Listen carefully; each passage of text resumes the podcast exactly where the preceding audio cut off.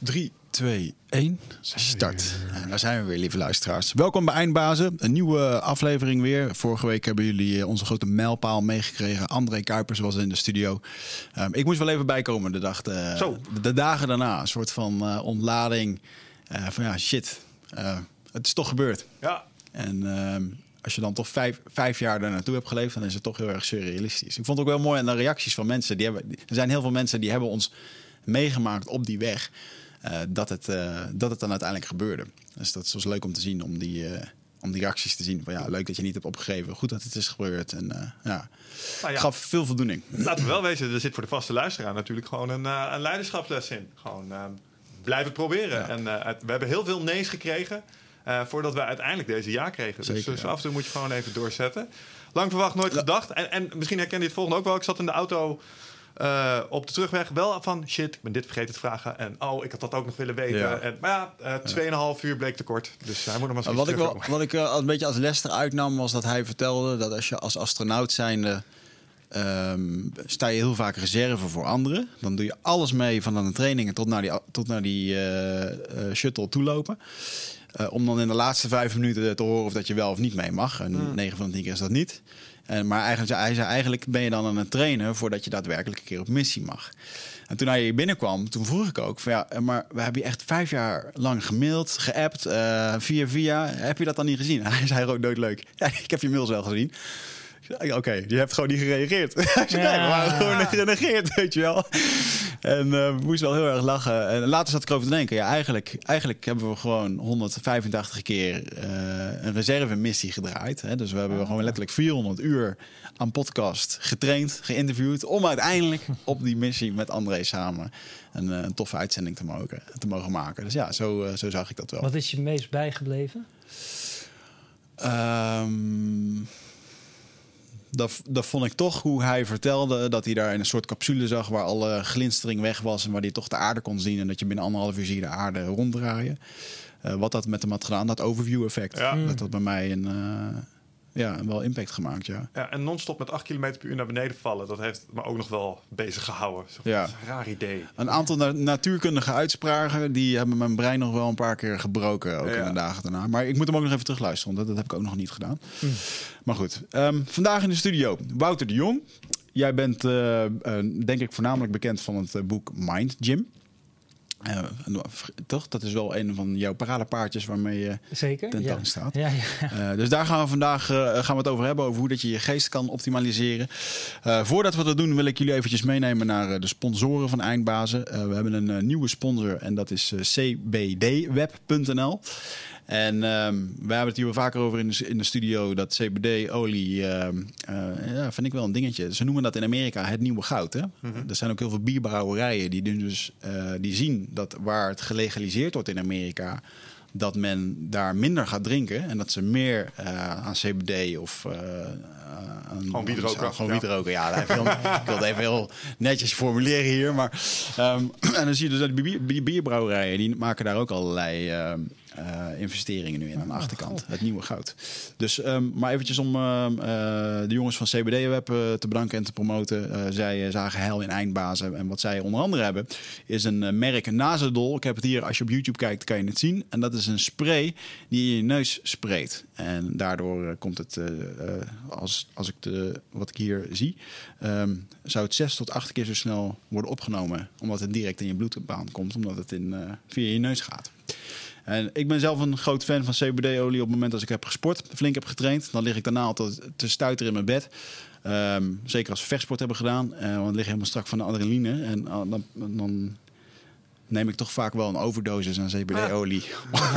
om daar geen last van te hebben. Word je dan ook high? Of is nee, je wordt niet high. Nee, want het is gewoon de CBD zonder de THC. Jammer, en, uh, maar je voelt, nou, dat is niet, nou, ik vind het niet helemaal waar. Want ik, je voelt wel een soort een body high. Ja, toch? Ah, je, hebt de, je hebt het zalfje geprobeerd wat ze de hebben spray, opgezocht. de spray. Want je had De het over spray. vetsport. Ze hebben nog een product en dat is een uh, menthol CBD-infused spray.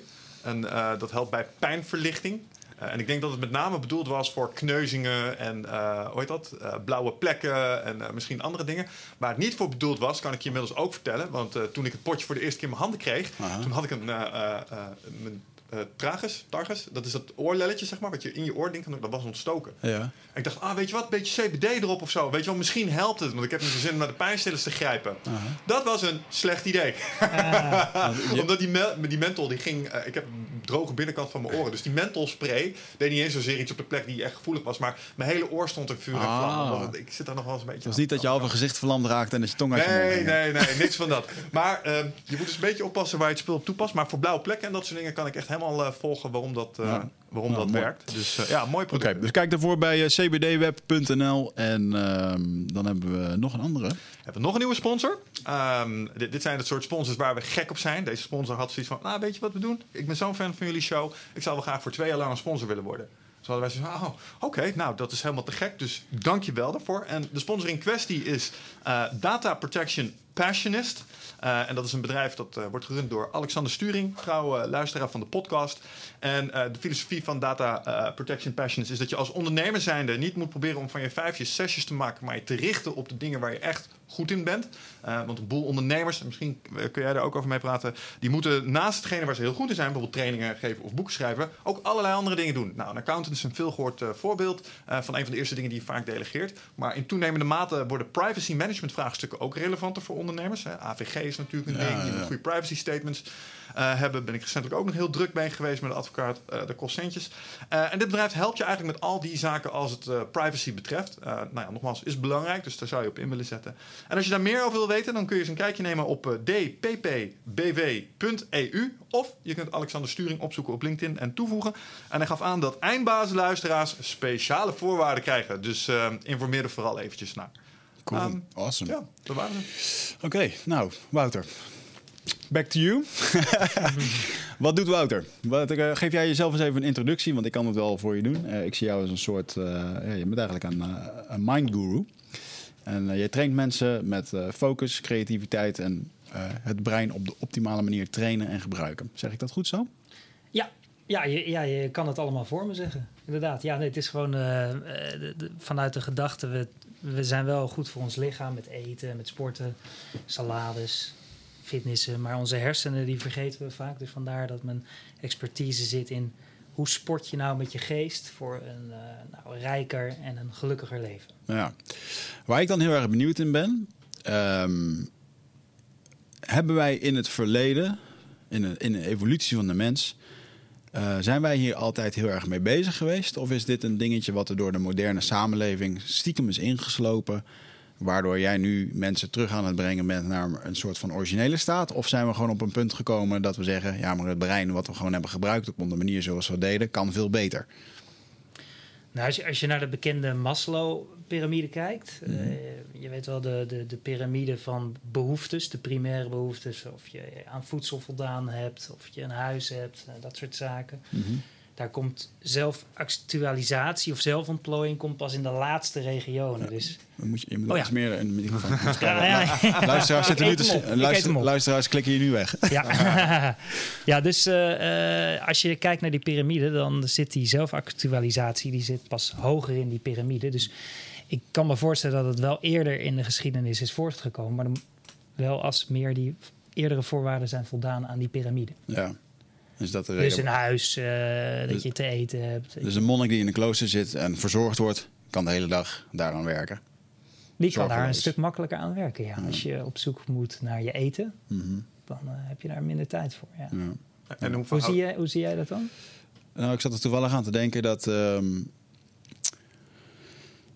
we trainen onszelf om afgeleid te zijn. Hè, door onze telefoon, Ja, door zeker. continu dingen. En ehm, als ik dan, dan bij mijn vrienden in de jungle ben en ze gaan jagen, dan hebben ze geen telefoon bij. Dan zijn ze alleen maar bezig met jagen. Oftewel, ze trainen één ding. Want als je met drie dingen tegelijk bezig bent, heb je gewoon geen eten daar. Ja. Eten is een overvloed, maar het komt niet vanzelf op je bord, zeg maar. Mhm. En ehm, dus wat doen zij? Ja, zij zijn gewoon de, iedere dag in, dag uit, zijn ze die concentratie aan het trainen. Ehm, doordat ze niet al die afleidingen hebben. Dus ik zie wel, eh, oké, als dat dan onze puurste manier is hoe dat we met de natuur zouden leven. Nou, nou zijn wij natuurlijk al een paar stadium verder. Wij lopen naar de supermarkt en eh, in de supermarkt word je eigenlijk al getraind om overal te kijken, geen, geen focus te hebben. En eh, Mhm. probeer maar eens boodschappen te doen op het moment dat je er even niet bij bent, weet je wel? Dan- Zeker, ja. ja, ja, ja, ja. dus eh, ja, dat is denk ik wel mijn visie erop. Dat we onszelf nu continu aanleren. En ik denk ook niet dat we. Ik denk dat de technologie en de neuromarketing ondertussen zo ver gaat dat je de mensen bijna niet meer kwalijk kan nemen dat ze zo zijn. Mhm. Want je wordt gewoon slachtoffer van, van iets wat dat jouw systeem beter begrijpt dan jijzelf. Ja. Ja, ja. Zeker. Ja, je ben, je hebt, het is een veel uitdagende tijd met, eh, met prikkels, zeker. Eh, ehm, maar als je het hebt over een hele scherpe geest te trainen door middel van bijvoorbeeld meditatie. Ja, wie weet hadden ze dat toen ook. Maar ik ja, kan, er, kan er weinig over zeggen. Behalve dan dat het vaak ook wel tijd kost om dat voor elkaar te krijgen. In plaats van alleen maar bijvoorbeeld scherpe aandacht op iets eh, is bijvoorbeeld het bewustzijn een veel breder onderwerp dan alleen eh, je heel erg gefocust op iets kunnen focussen, maar ook bijvoorbeeld op het meer openstaan eh, voor alles wat er voorbij komt, of juist meer de aandacht op de aandacht zelf te kunnen richten.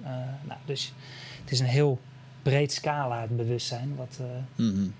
waar je je hele leven mee bezig kan zijn. Ja. Om dat te onderzoeken en om dat te trainen. Dat is natuurlijk nooit een Mhm. af iets. Hm. Ja, en, en jij wilde ook wat zeggen. Een Ja. kleine- Een kleine opmerking, want je zit eigenlijk met je nek voor de microfoon. Ja? Maar eigenlijk dus iets met, je mag best iets naar achter zitten. Kan, eh, Dus is, zo is het perfect. Dat mag ook, ja. Top. Ja, zo, iets Ja. omhoog. Ja. Is dat beter? Zo, hè? Ja. Dit, hè? Ja, oké. Ja. Nou, de vraag die me te binnen schoot is dat eh, toen uh, Dirk vroeg van... is dit iets van de moderne tijd? Toen dacht ik, ja, ja, volgens mij als je kijkt naar bijvoorbeeld de Stoics... ehm, is dat bewustzijn over bijvoorbeeld eh, je mentale processen... is daar een heel erg belangrijk onderdeel in. Even los van de, de, de meditatie en mindfulness... die we bijvoorbeeld in het boeddhisme al eh, voorbij zag komen. Dus ik denk dat dit ehm, heel erg wordt uitvergroot in de moderne maatschappij... maar dat het wel thema's zijn waar we als mensen echt ons hele bestaan al mee te maken hebben. Ik denk dat dingen als ongefocust, afgeleid, uitstelgedrag... Ik denk dat dat iets is van alle, alle ages. Ja. Niet zozeer alleen van eh, 2000 eh, plus, maar gewoon Nee. ook eh, in, de, in de jaren 1700 had je ook mensen die liepen te lantefanten omdat ze de koppen niet bij konden houden, om wat voor reden dan ook. Oh, zeker. Ja, nee, ik, ik dacht meer dat de vraag ging over echt tienduizenden jaren Oh, geleden. zo.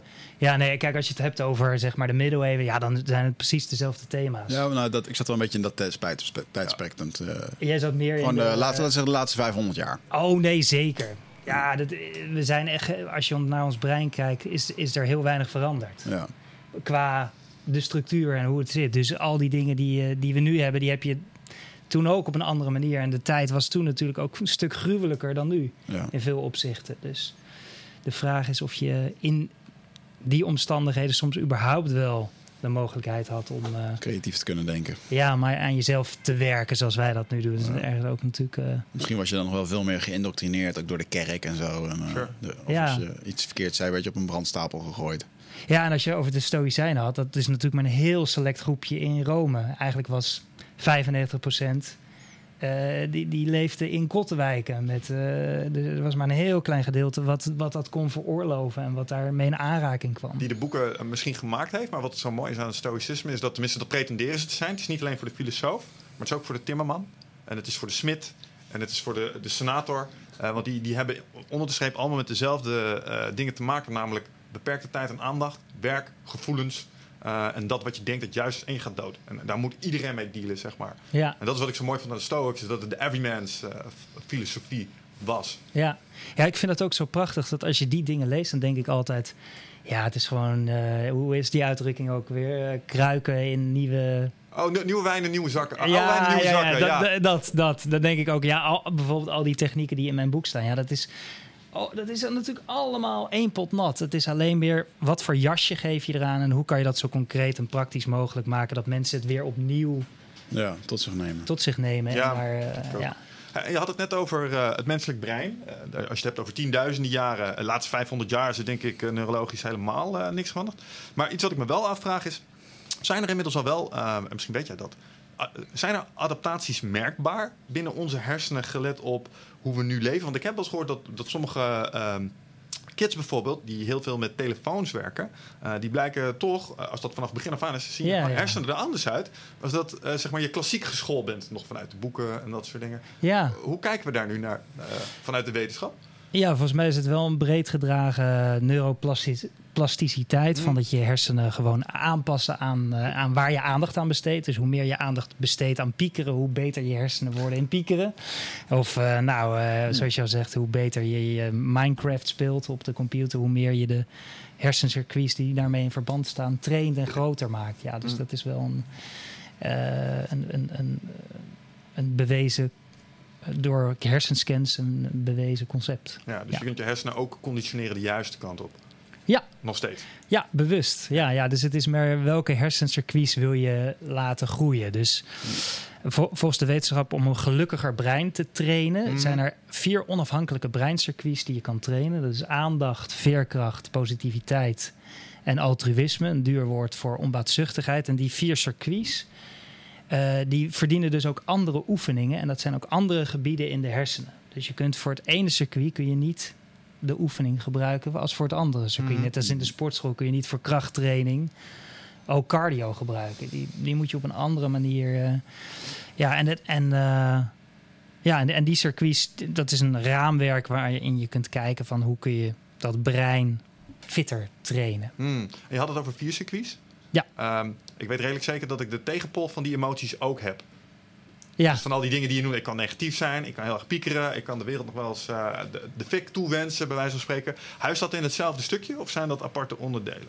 Ja, die, is- dus die, die train je, die zitten in, die, in dat circuit. Maar bijvoorbeeld, eh, als, je het aandachts, als je het over het aandachtscircuit traint, dan train je bijvoorbeeld, je hebt het default network, dat is een Mm. soort knopje in je hoofd die eigenlijk ook de hele tijd op zoek is naar problemen en wat je helpt. Nou, eh, op het moment dat je je aandachtscircuit traint, dan kun je wel weer makkelijker je hersenen reguleren om bijvoorbeeld wel aandacht te besteden op het default netwerk. Dat je daar bewust in meegaat. Of Mhm. juist dat je dat uitschakelt en eh, meer focust op bijvoorbeeld eh, jagen. Of, of iets anders waar je je aandacht op wil eh, trainen. Ja. Mm. En jij zegt dat is dus iets wat je conscientieus kunt doen. Ja. Jij kan de keuze maken om eh, dat gedeelte te activeren. En daardoor wordt jouw verhouding tot bijvoorbeeld iets waar je over piekert, wordt anders.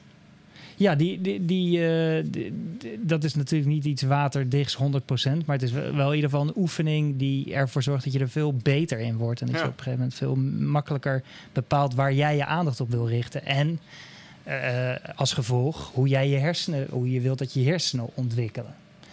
Dus waar jij aandacht aan besteedt, zorgt er natuurlijk voor hoe die hersenen ontwikkelen. Mhm. Ja. Wat, wat, wat is het probleem dat je middels je boek en deze technieken die je toepast, hè, je gaat heel gericht voor een bepaalde uitkomst, denk ik. Wat is het doel van je boek? Wat is het probleem dat je probeert op te lossen? Ik denk het allerbelangrijkste is. eh, bijna alles wat we doen. We doen nu deze podcast. Of als je dadelijk een aspirintje neemt. Of je richt een politieke partij op. Dat doe je allemaal met één doel. Namelijk het, het thuis voelen in je eigen geest. Dus de basis van wat we hier doen is een heldere, scherpe geest. Tevreden geest te creëren. Zonder dat daar een reden van buitenaf voor hoeft te zijn. En met zo'n geest is het voordeel dat je ook weer dat we gezamenlijk veel beter de uitdagingen in de wereld aankunnen. Het Wat gaat om je goed voelen. Om een scherpe geest te hebben. Dus goed Hmm. voelen. eh, je kunt je ook slecht voelen en tegelijkertijd een hele scherpe geest hebben. Ja. En een heldere geest. Zodat je niet slaaf wordt van bijvoorbeeld de reacties die dat slechte gevoel oproepen. Of je Hmm. niet lekker voelen. Dat je juist eh, vrij, niet vrij bent van bepaalde ervaringen of bepaalde emoties. Maar dat je vrijheid kan vinden in die ervaringen. Dat vind ik interessant. Want ehm, ik heb wel eens gemerkt aan mezelf dat ik, ik, kan, ik ben een behoorlijk gestructureerde jongen. En ik kan mooie lijstjes maken met allerlei dingen die ik moet doen. Een takenlijst. En dan kijk ik naar die takenlijst. En eh, of ik taken op die takenlijst wel of niet oppak, wordt in zeer sterke mate bepaald door hoe ik me voel. Als ik net gedoe heb gehad met mijn vriendin bijvoorbeeld, vergeet maar. Ja, Wa- Want ik voel me gewoon eh, niet goed of eh, we hebben slecht nieuws gekregen financieel ergens of zo. Dat je denkt, ja, flikker maar op. Eh, gaat zo snel. dat en, en ineens is alle actiepotentieel die je had. Je had er zin in, je voelde je joke. En je zit er dacht, in ik ga het doen en ineens plup is het weg. Flikker Ja. maar op. Het mag allemaal de, het mag allemaal de, de plomp in wat mij Ja, ja, ja, ja, ja. Hoe fix je dat? Het is zo magnetisch. Je wordt er helemaal in meegezogen. Dus eh, nou, de basis daarvan is überhaupt al meer bewustzijn en afstand kunnen creëren tot zo'n patroon. Hmm.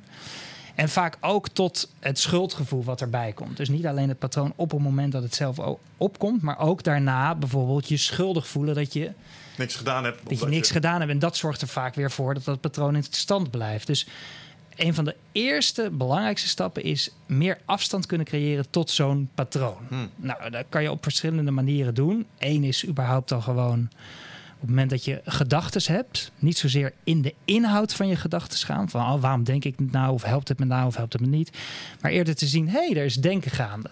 Nou, dat is eh, zonder bezig te zijn wat die inhoud van die gedachten dan precies zijn. Mhm. Dat zorgt er überhaupt al voor dat je iets meer afstand tot zo'n patroon krijgt. Nou, een ander ding wat je kunt doen is juist je meer te focussen op fysieke sensaties die er bij zo'n patroon gaande zijn. Dus Mm. Jij voelt bijvoorbeeld bij uitstelgedrag ergens een knoop in je maag. Nou, op het moment dat je meer focust op die knoop in je maag, je aandacht is ergens ook een. ehm, eh, dat, is, eh, eh, dat heeft een beperkte bandbreedte. Op het moment dat die gevuld is, is die op. Mhm.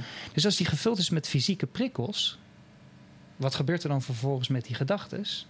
Die hebben even wat minder ruimte. Mhm. Dus je kunt daarna met wat meer helderheid kun je zien welke gedachten er zijn. Mhm. En afstand nemen tot die gedachten. Want die zorgen er vaak voor dat je het niet doet. En die gedachten roepen ook weer emoties op. En hoe ziet het, eh, het proces van het afstand nemen van die gedachten, hoe ziet dat eruit? Ja, dus het, het, het is eigenlijk heel simpel. Namelijk op het moment, je traint dat natuurlijk niet op die momenten, want dan is het te moeilijk. Dus je traint het door de dag door, dat je gedurende één minuut of een paar minuten even de tijd neemt. En elke keer als er een gedachte opkomt, dan plak je er een stickertje op. Denken, that's it. Hmm.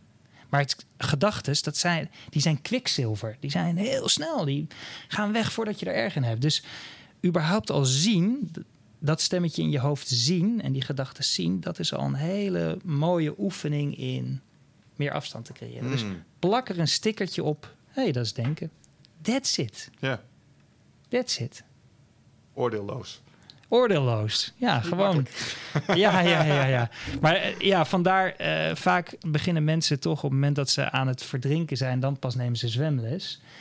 Dus het is vaak zaak om ervoor te zorgen dat je dit soort technieken juist als onderdeel van je dagelijks leven maakt, zodat het van nature opkomt op het moment dat je, nou, dat, je dat patroon tegenkomt. Ja, dus de eerste stap is het daadwerkelijk labelen van eh, denken als zijn denkers. Van denken, dus inhoud is mogelijk niet geldig. Want Ja. dat, dat is wat ik eigenlijk tussen de regels doorhoud. Van, het is leuk zo'n gedachte, maar zegt eigenlijk helemaal niks. Kan waarde hebben, maar kan ook absoluut onzin zijn. Ja, en juist om dat te kunnen bepalen, moet je eerst afstand hebben. Mhm. Dus het is natuurlijk heel handig om wel te bepalen, om te kunnen bepalen of een gedachte waar is of niet waar is, of dat je je helpt of niet waar of niet helpt. Mhm.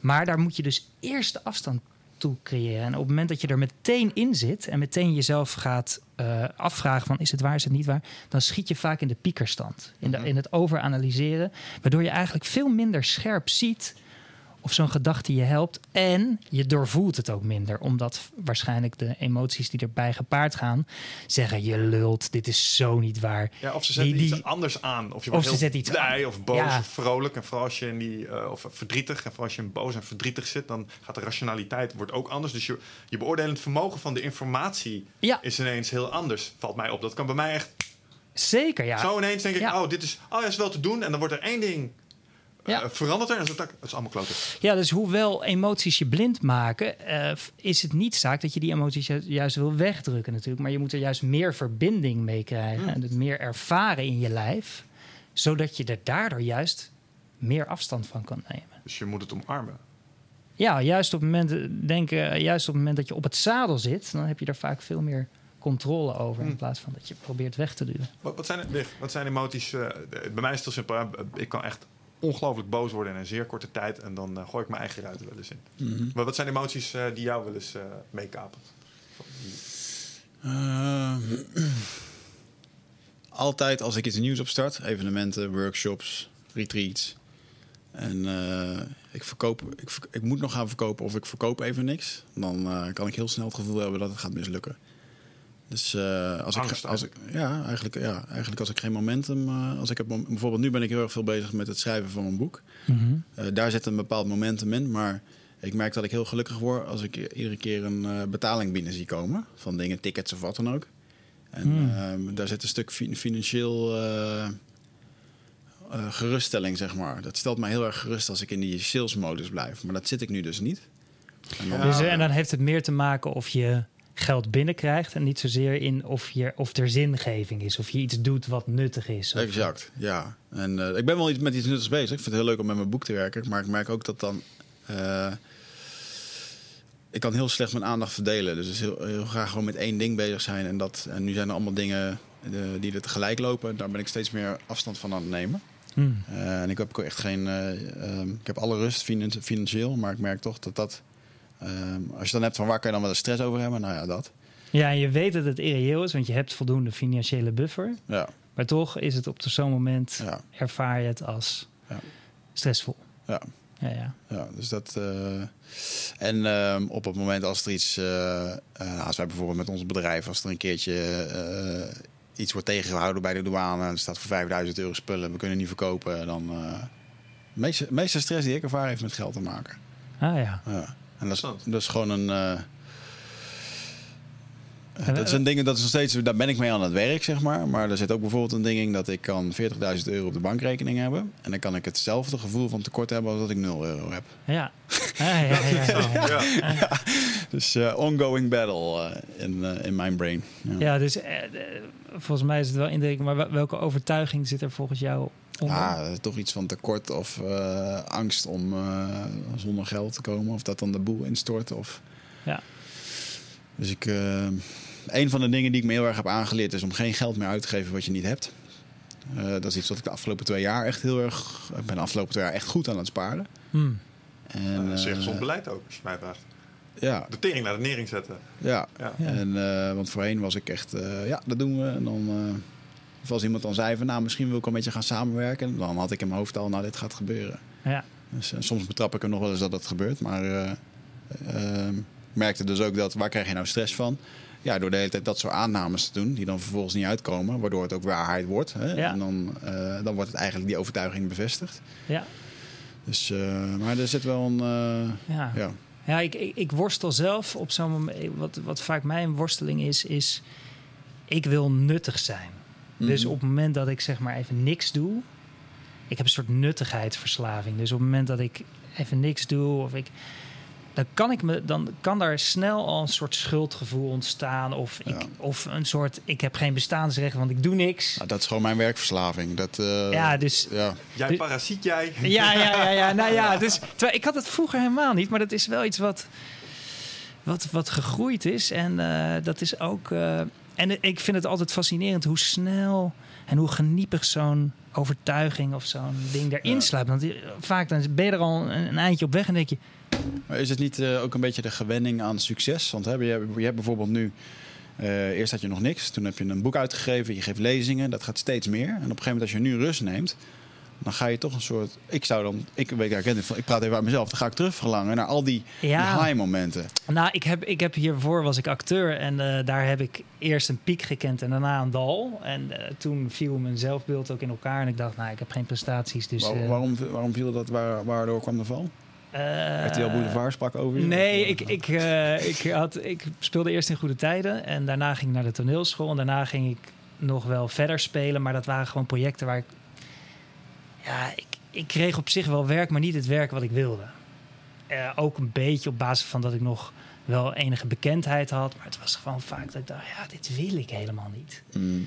En ik, en, eh, ik, ik stelde mijn, mijn, mijn eh, eigen waarde heel erg afhankelijk van die prestaties. Dus wat gebeurde er? Dat stortte gewoon in. Nou, dat is ook de, de aanleiding, de trigger geweest om überhaupt dit pad op te gaan.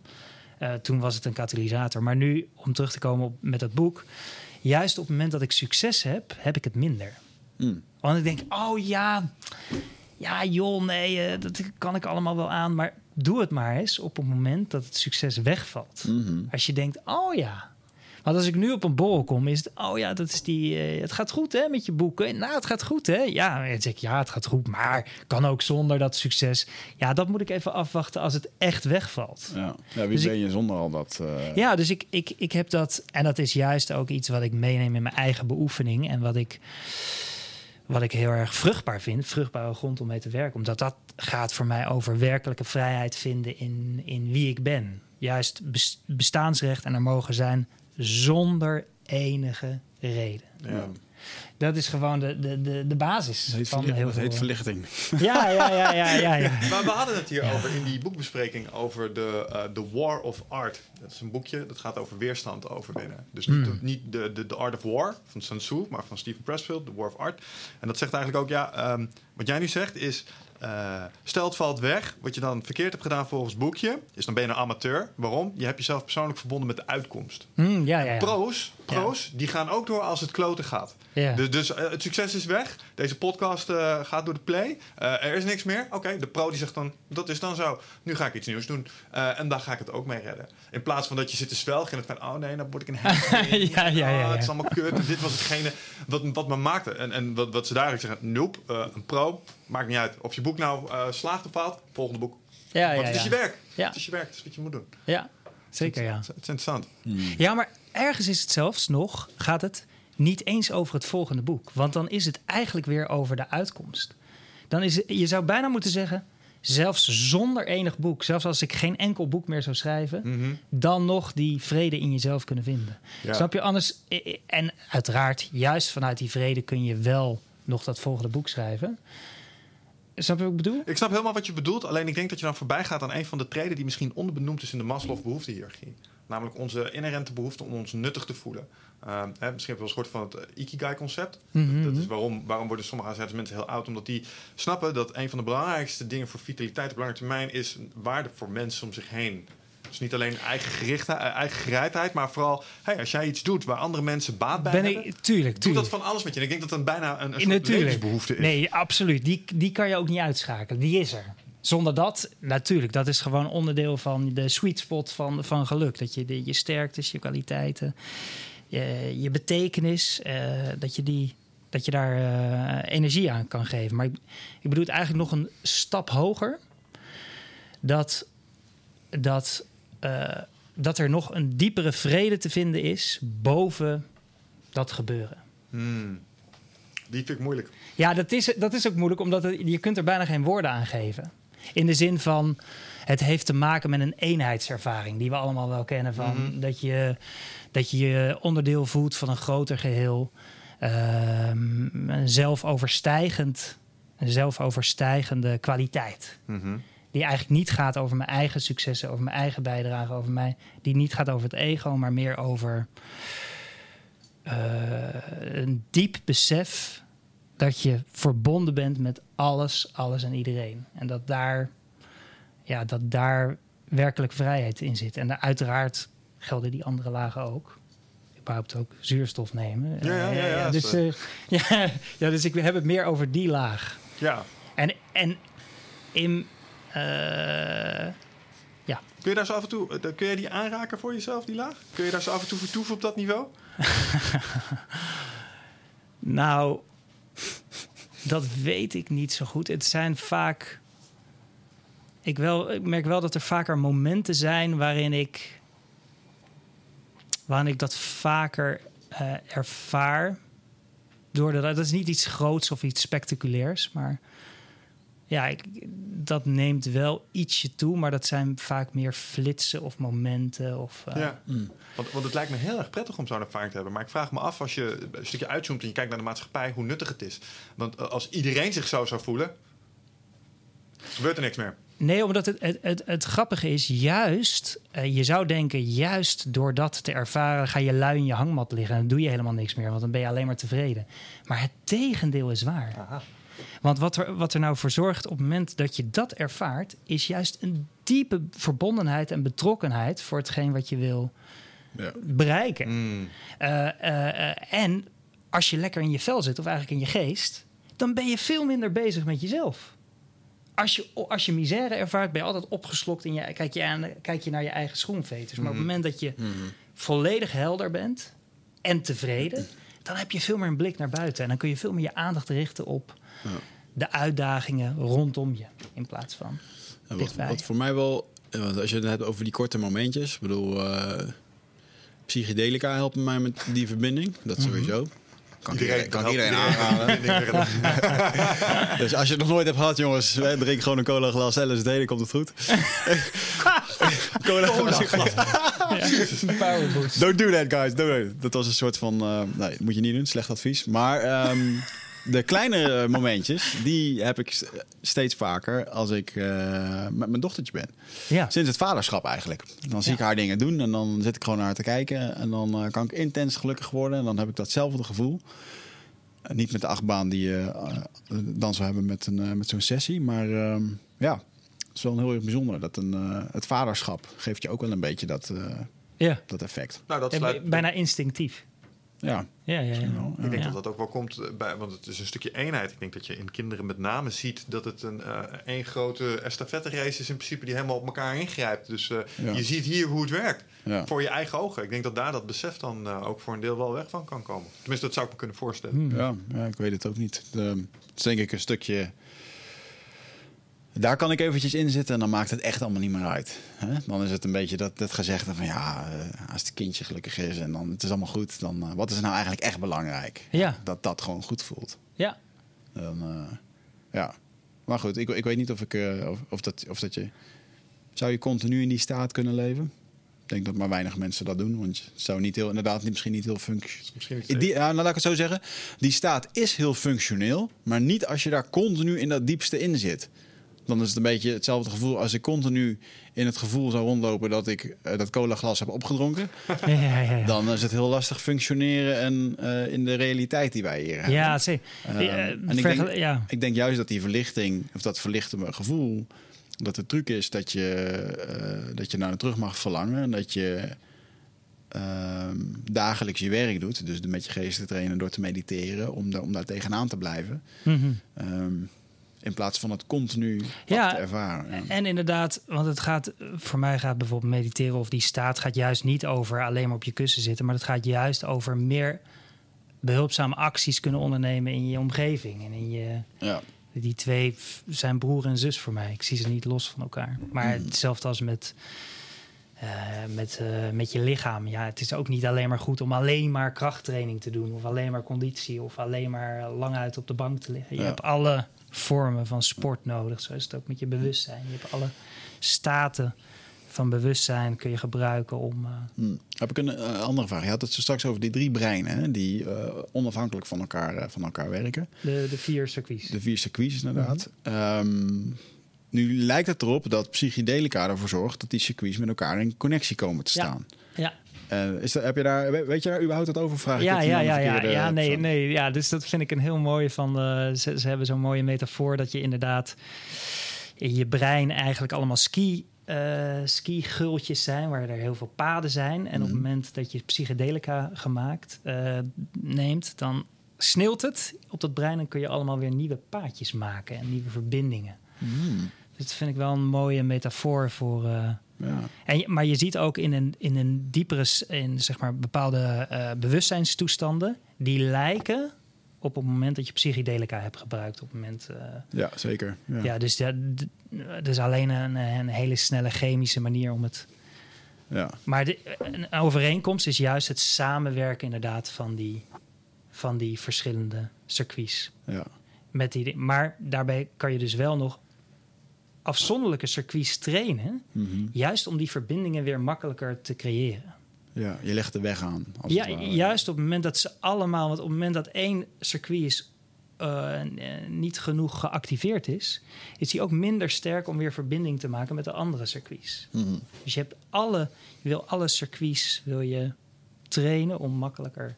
Kun je dit eens eh, illustreren met een voorbeeld? Hoe bijvoorbeeld een onderontwikkeld eh, circuit A een effect heeft op eh, circuit? Ja, dus als, als voorbeeld, nou, je, je aandachtscircuit is heel belangrijk in het bewust worden van, ehm, eh, van patronen. Dat je ze überhaupt ziet. Nou, dat hangt weer heel erg samen met je veerkrachtcircuit. Dat, het veerkrachtcircuit is ook een belangrijk onderdeel. Je taalgebruik en hoe je jezelf motiveert. Mhm. Dus op het moment dat je het hebt over dat patroon eerder van het uitstellen, nou, dat aandachtscircuit zorgt ervoor dat je hem überhaupt ziet. Mhm. Nou, met het veerkrachtcircuit kan je weer zorgen dat er nieuwe behulpzame gedachten voor in de plaats komen. Mhm. Of dat je jezelf op een coachende manier eh, kan motiveren met bepaalde woorden in je, in je eigen hoofd. Nou, zo zie je dat die circuits dan heel goed samenwerken. Woorden zoals? Nou, eh, ja, ja, dus, ja, ja. ja, dus vervelen zou het kunnen zijn, te- zijn opschieten lul. Ja, ja. Ehm, maar ja, dat, is, dat, dat blijkt volgens hersenscans gewoon niet effectief te zijn. Ah, helaas. Dus eh, ja, dus dan kan het, ja, dan, dan, dan kan het dus. Of nou, dan kan het bijvoorbeeld zijn, nou, zet door. Het is eigenlijk precies hetzelfde hoe je tegen een vriend zou praten. Mhm. Dan heb je altijd het taalgebruik wat steunend, coachend is, eerlijk. Dus je kan een echte vriend geef je een schop onder zijn hol. Maar het is wel gemotiveerd vanuit liefde. Ja, niet vanuit tegen vrienden gezegd, hey, opschieten maat. ja, maar dan is het gemotiveerd vanuit liefde. En vaak is die opschieten lul is gemotiveerd van... ik ben eigenlijk niet goed genoeg, dus doe het nou maar. Dus er zit vaak een, een eh, overtuiging onder van... je bent pas goed genoeg als je die actie doet. Ja, Terwijl bij een goede vriend is het... ik gun dat je dat doet. En zelfs als je het niet doet, blijf je nog steeds... ja oké, dus die, die intentie die erachter ligt, die, die heb je mentaal wel door. Uh, ook voor jezelf. Dus als je tegen jezelf zit aan te kletsen en je doet het zoals je het tegen een vriend zou doen, of je bent jezelf. Eentje Ja. die ik ook wel zo houd je bek. Weet je, Ja, dus, ik aan het hardlopen, heb ik gezin mensen zeggen tegen zo houd je bek. Ja, dus eh, ik, ik eh, was begiftigd met een hele sterke innerlijke criticus vroeger. En dat, die, die is er natuurlijk nog steeds wel. Maar ik heb wel geleerd om dat eh, om te draaien naar een, eh, een coach in plaats van een, eh, een eh, Hmm. zelfbestraffende criticus. Ja. Ja. En we hebben dus hersenscans gedaan waaruit blijkt dat sommig taalgebruik gewoon veel beter werkt. Dus, uit, uit, dus en dat hangt ook heel erg samen met zelfacceptatie. Kun je jezelf volledig accepteren zonder eerst aan de voorwaarden te voldoen. En dat blijkt dat eh, ongeveer uit 200 onderzoeken blijkt dat je eh, zeg maar die bestraffende criticus dat die zeer averechts werkt voor het realiseren van je levensdoelen. En als het al wel lukt, dan moet je vragen op welke basis het is gebouwd. Ah. Interesting. Ja.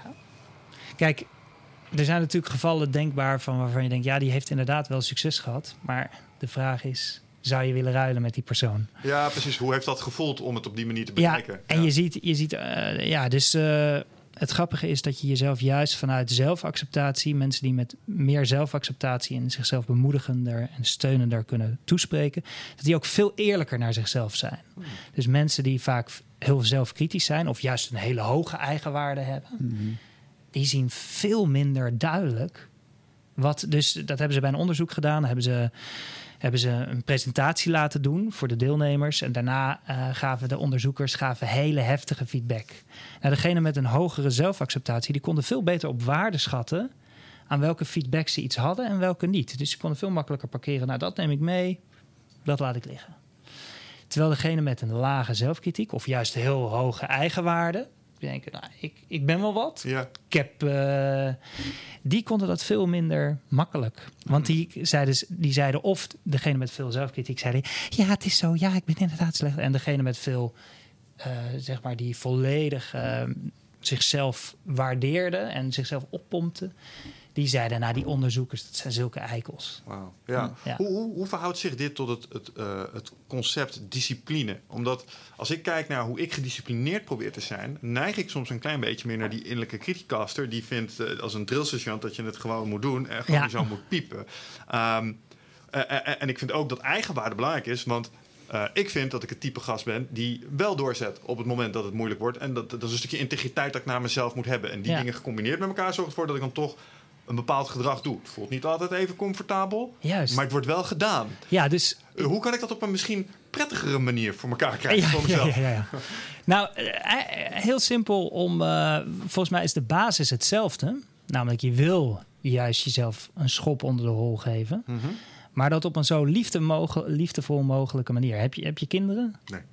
Je hebt wel kinderen? Ja. Dus denk aan hoe je je kind ook motiveert. Op het moment dat mijn kind van, van de fiets afvalt en ik zeg: Kom op, stomme bitch, stap eens op die fiets. Ja, en dan Tegen stapt ze er wel op, maar het gaat wel een stuk. De halsband Ja, ja, ja, ja. En als mensen zich afvragen welke halsband, nou diegene waar je rotwaarders ook mee ja, met, met een stroomstok. Michel. Als Ja. vader, ja.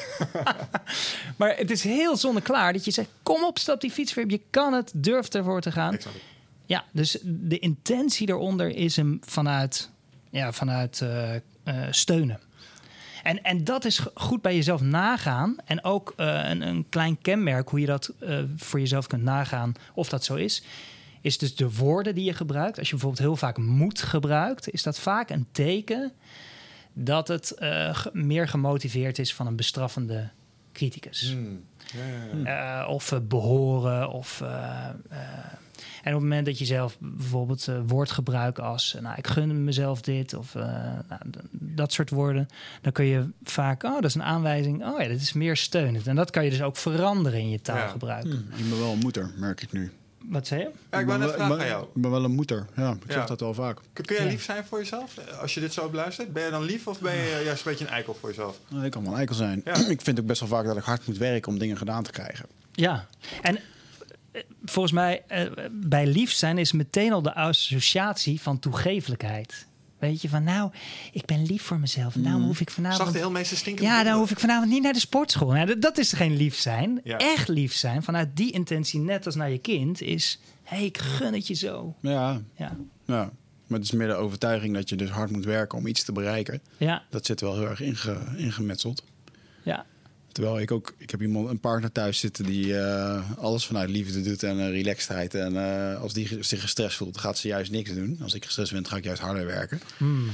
Dus daar leer ik wel veel van. Maar, maar het is wel goed om terug in die staat te komen van, eh, van flow. Maar wat is het voor jou dat ervoor zorgt dat als je Marieke zou coachen of je kind, dat je het anders doet als dat je het tegen jezelf doet? Als je kijkt naar je interne proces, waarom ben je voor jezelf zoveel strenger? Vind je, dat je, vind je jezelf beter? Nee, er is een bewijsdrang achter, denk ik. Oké. Ja, het is wel een stukje, een stukje prestatiedrang wel, ja. Dus dat is ook weer een stukje erkenning naar mezelf. Ik herken mezelf niet zo erg op het moment als ik niet hard werk. Hmm. Dan Oh, vind, ik zo, dat heel, ja. vind ik dat heel lastig. Ja. Ik heb daar een stukje arrogantie achter zitten, merk ik. Nu ik daar wat langer over nadenk. Ik vind dat ik dat allemaal gewoon moet kunnen. Hoezo Ja. kan ik dat niet? Dat Ja, kan ik ja. toch? Dat kan jij. Als iemand dat kan, ben ik het wel. Ja. Weet je dat? Jij kan Dus ook, ik, schiet vind op. ik, vind ook, ja, ik vind ook dat jij heel... eh, dit, exact wat je nu zegt, eh, heb ik jou wel vaker horen zeggen. Eh, voor jezelf, naar anderen, maar misschien ook wel zelfs naar je cursisten. Dat, eh, weet je wel, in de eerste jaarprogramma's, dat Ja. er een soort van... eh, je had een regime opgesteld en eh, kon daar heel slecht tegen als mensen daar niet... eh, Zeg niet aan heel, ja, daar ben Ja. ik wel wat soft in geworden. Maar ik vond wel dat ze het moesten doen eigenlijk. Ja, zeker wel. Ik nog steeds Ja. diep in mijn hart. Maar ja. Ja, ja, ja, ja. Maar is dat maar dat is juist ja. ook goed. Ja. Maar het is, de- de- ja, dus strengheid is niet, eh, dat is geen vijand van vriendelijkheid. Nee. Maar wat denk jij dat het is dat we, zo, eh, dat we zo anders met onszelf omgaan als met anderen? Want iedereen herkent dit, denk ik wel. Ja, ik, ik, ik denk, en ik herken ook wat jullie zeggen, dat herken ik ook bij mezelf. Eh, hard willen werken om iemand te zijn. Eh, Ja. ik vind ook van mezelf dat ik dingen, dat moet je toch kunnen.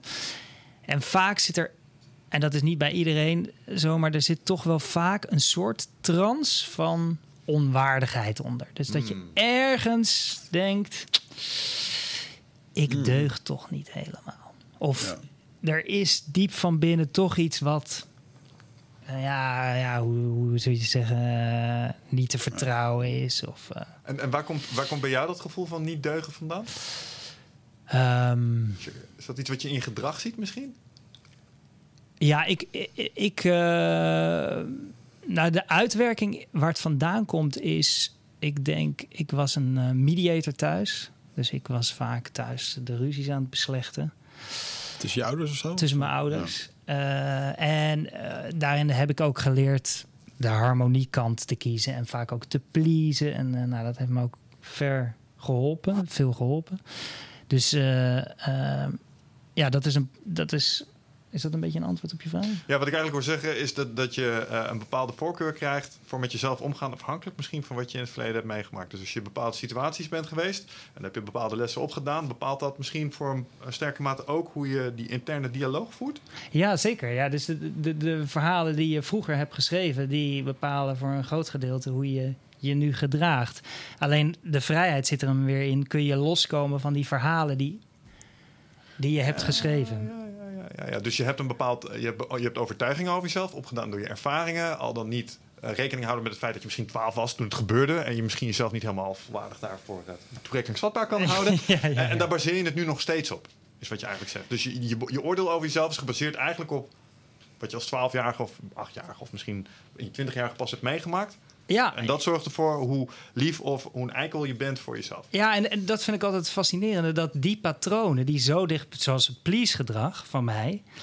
die zitten zo dichtbij dat ze vaak ook goed voelen. Mhm. En het tegendeel voelt vaak niet goed. Dus is de eerste reactie. Ja, eh, d- dat soort leefstijl, daar heb ik niks mee. Dat werkt ook niet. Ja, natuurlijk werkt het niet als het in het begin niet goed voelt. Dus dan komen we weer terug in... je moet vaak juist heel vaak ook dingen doen die niet goed voelen. Ja. Want daar, daar zit vaak de vrucht. Of daar zit vaak in eerste instantie dat je denkt... ah ja, hier heb ik wat, interessant. eh, ja, wat te halen. Of wat, eh, Ja, dus je oordeel weerhoudt je van eh, een, een pad nemen wat je potentieel waarde zou kunnen brengen. Omdat je denkt, nou, nah, is niks mij. Ja, voor, voor mij zou dat het conflict aangaan. Dat is voor mij altijd een, een hele... Daar moet ik bewust voor kiezen. En bewust ook eh, dat in de bek kijken, om het zo maar te zeggen. Maar dat is wel de manier eh, om, om daar meer vrijheid in te vinden. Grappig. Maar, En, en, en niet alleen het doen, maar vooral ook meer bewustzijn daarbij brengen. Want het alleen doen kan soms ook weer een, een heel erg tegenreactie of een boemerang effect hebben. Als, je, als de intentie niet juist is. ja, ja, ja, ja. Als je, Mensen die een sorry dat ik je onderbreek. nee, nee, nee, gelijk. Me- Mensen die een assertiviteitstraining hebben gehad en die dan plotseling op werk komen. En nou moet het anders. je weet wel dat je denkt, ja, dit is nou weer niet de bedoeling. Snap je? Dat je denkt, nou. Dus om daar ook wijsheid in te brengen. Ja, ja wat ik wou vragen is, omdat je, zet me aan het denken. zo van, Oké, er zijn dus bepaalde patronen die, je- die je in stand houdt. Dat voelt goed. De, de eh, inverse van die patronen zou maar zo is hartstikke gunstig voor je kunnen zijn. Maar doe je niet, omdat je er oordeel op hebt. En toen dacht ik, oké, dat is voor mij misschien ook wel relevant. Alleen ik kan nog niet helemaal thuisbrengen waar die is. En toen wou ik aan Wicht vragen, waar zou dat voor jou nu relevant zijn als je naar jezelf kijkt? Nog een keer de vraag. Dus, dus eh, als je weet, je hebt een bepaald patroon en dat Ja. voelt goed. Ik heb een eh, default aggressive. Ja. Eh, confrontatie aangaan, vind ik leuk. Ja. Ehm, en en eh, het uit de weg gaan voelt niet zo lekker. Dan denk ik, Ja. dat, wat een onzin. Het, Ja. het rust laten, je moet proactief zijn. Kom Ja, op. ja. Eh, eh, maar dat laat ik dus liggen omwille van mijn oordeel op wat ik dan noem pacifisten. Ja, Dus- ja. Dus daar negeer ik een stukje waarde. En de Ja. vraag was, wat is dat Mm. voor jou? Wow, ingewikkelde vraag. Dus jij gaat de confrontatie niet aan omdat andere mensen dat niet willen. Dat is wat je zegt. Nee, nee, eh, wat ik zeg is, mijn standaard patroon is, eh, is de confrontatie te snel aangaan. Ja. En, en een gunstig patroon zou zijn die confrontatie niet direct aangaan. Maar ik heb Ah. een oordeel over dat, dat positieve Ah, patroon. Ja, ja, ja. Eh, en daarmee ontzeg ik mezelf dat. Ik denk, oké, dat zou ik, als ik eh Wouter zo beluister... ik zou daarvoor open moeten gaan staan om dat vaker te doen. En dan kan dat maar zo. En, en dat voelt dan niet lekker, maar het kan wel waarde bieden. Ja. En toen was mijn vraag aan jou, op welk stukje... bij mij is dat de, mijn default aggressive, maar wat is dat bij jou dan? Als je daar zo over nadenkt. Is het ehm, eh, toch wel een beetje het alles of niets eh, effect. Hè? Dus als ik bijvoorbeeld ga, een dagje ga schrijven. ehm, ik heb heel veel auteurs gehad. En laatst zat ik bijna Jan Geurts weer een soort van... eh, het, hoe noem je dat? Eh, verdomme dat hij dan zegt... Ja, dan ochtends dan 10 uur van 12 dan schrijf ik even en daarna ga ik. Maar dat lukt mij dus niet. Ik moet echt 4 tot 6 uur schrijven. Ook als ik voel dat het niet meer stroomt. En dan probeer ik dat er toch uit te persen. Terwijl Ja, ik weet dat ik ook nog die facturen moet sturen of dingen moet doen. Eh, en dan... bijvoorbeeld, ik heb nu gewoon door dat schrijven, doordat ik er zo mee bezig ben... heb ik nu al gewoon drie weken lang niet mijn huis online gezet om te huur te zetten... omdat een huurder eruit gaat. Dat is gewoon een soort... Ja, dan stel ik dat uit en dan moet dat gebeuren. En dan... Dus daar... eh, Target fixation. ja, ik weet niet wat dat dan is. Eh, ja, uiteindelijk is het natuurlijk gewoon wat wil je. Nou, wat heeft dan de voorkeur? Ja, dit heeft dan mijn voorkeur. Hmm. Ja, Hmm. interessant. Ja. Ja, nou, ik vind, ik vind, ik vind het zover eh, fascinerend wat je zegt. Dat ik denk, ja, dat klopt wel. Er zijn wel degelijk bepaalde gedachten, bepaalde patronen die zo lekker voelen voor mij. Maar me soms helemaal niet eh Maar niet Ja, bij huis brengen. ja, ja. Zeker nog het, het is dat dan ook niet... eh, want voor sommige mensen zou dat bijvoorbeeld een eh, verslaving aan drama kunnen zijn. Ik zei het van de week nog. Ik had gedroomd dat ik op een feestje stond... en dat eh, Marieke, mijn vriendin... een vriendin van haar naar mij had toegestuurd... om te kijken of dat ik versierbaar was. En toen vertelde ik dat ochtends tegen haar in, eh, in de douche. Toen zei ze, nou geloof maar dat er heel veel vrouwen zijn die dat doen. En dan denk ik, ja, maar als ze dat dan doen, want dat gebeurt, waar ben je dan precies naar op zoek? Weet je, wat wil je bevestigd hebben? Dat hij niet te vertrouwen is? Mhm. En, en ja, weet je, dat, dat, dat is toch iets wat men dan. Ja, je bent dus op zoek, ergens ben je op zoek naar een bevestiging. Dus wat levert dat agressieve gedrag je op? Is eigenlijk een vraag.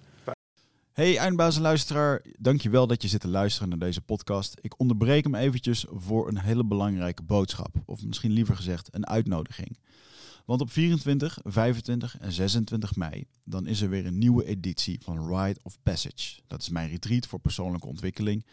En speciaal voor de mensen die op zoek zijn naar, ja, naar helderheid. Of dat ze lastig bij hun gevoel kunnen komen. Dat ze moeilijke beslissingen moeten maken. En dat ze zo ontzettend in hun hoofd zitten. Ja, dat ze er eigenlijk gewoon niet meer goed uitkomen. Of dat ze misschien al heel lang in een, ja, een soort van oud gevoel zitten. Dat ze dat gevoel willen transformeren. Of misschien wil je gewoon een oud stuk achter je laten. Ergens een punt achter zetten. En ja, zoek je misschien heling op iets wat, wat je te lang hebt weggeduwd of, of hebt vermeden.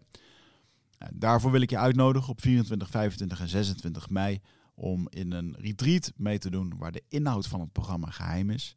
Waar de belofte is dat het oncomfortabel wordt. Want jij begrijpt als geen ander dat als je die volgende stap wilt maken, ja, dan zul je uit de comfortzone moeten komen. En ik garandeer je, laat mij dat proces begeleiden met jou voor drie dagen. En je leven zal daarna nooit meer hetzelfde zijn.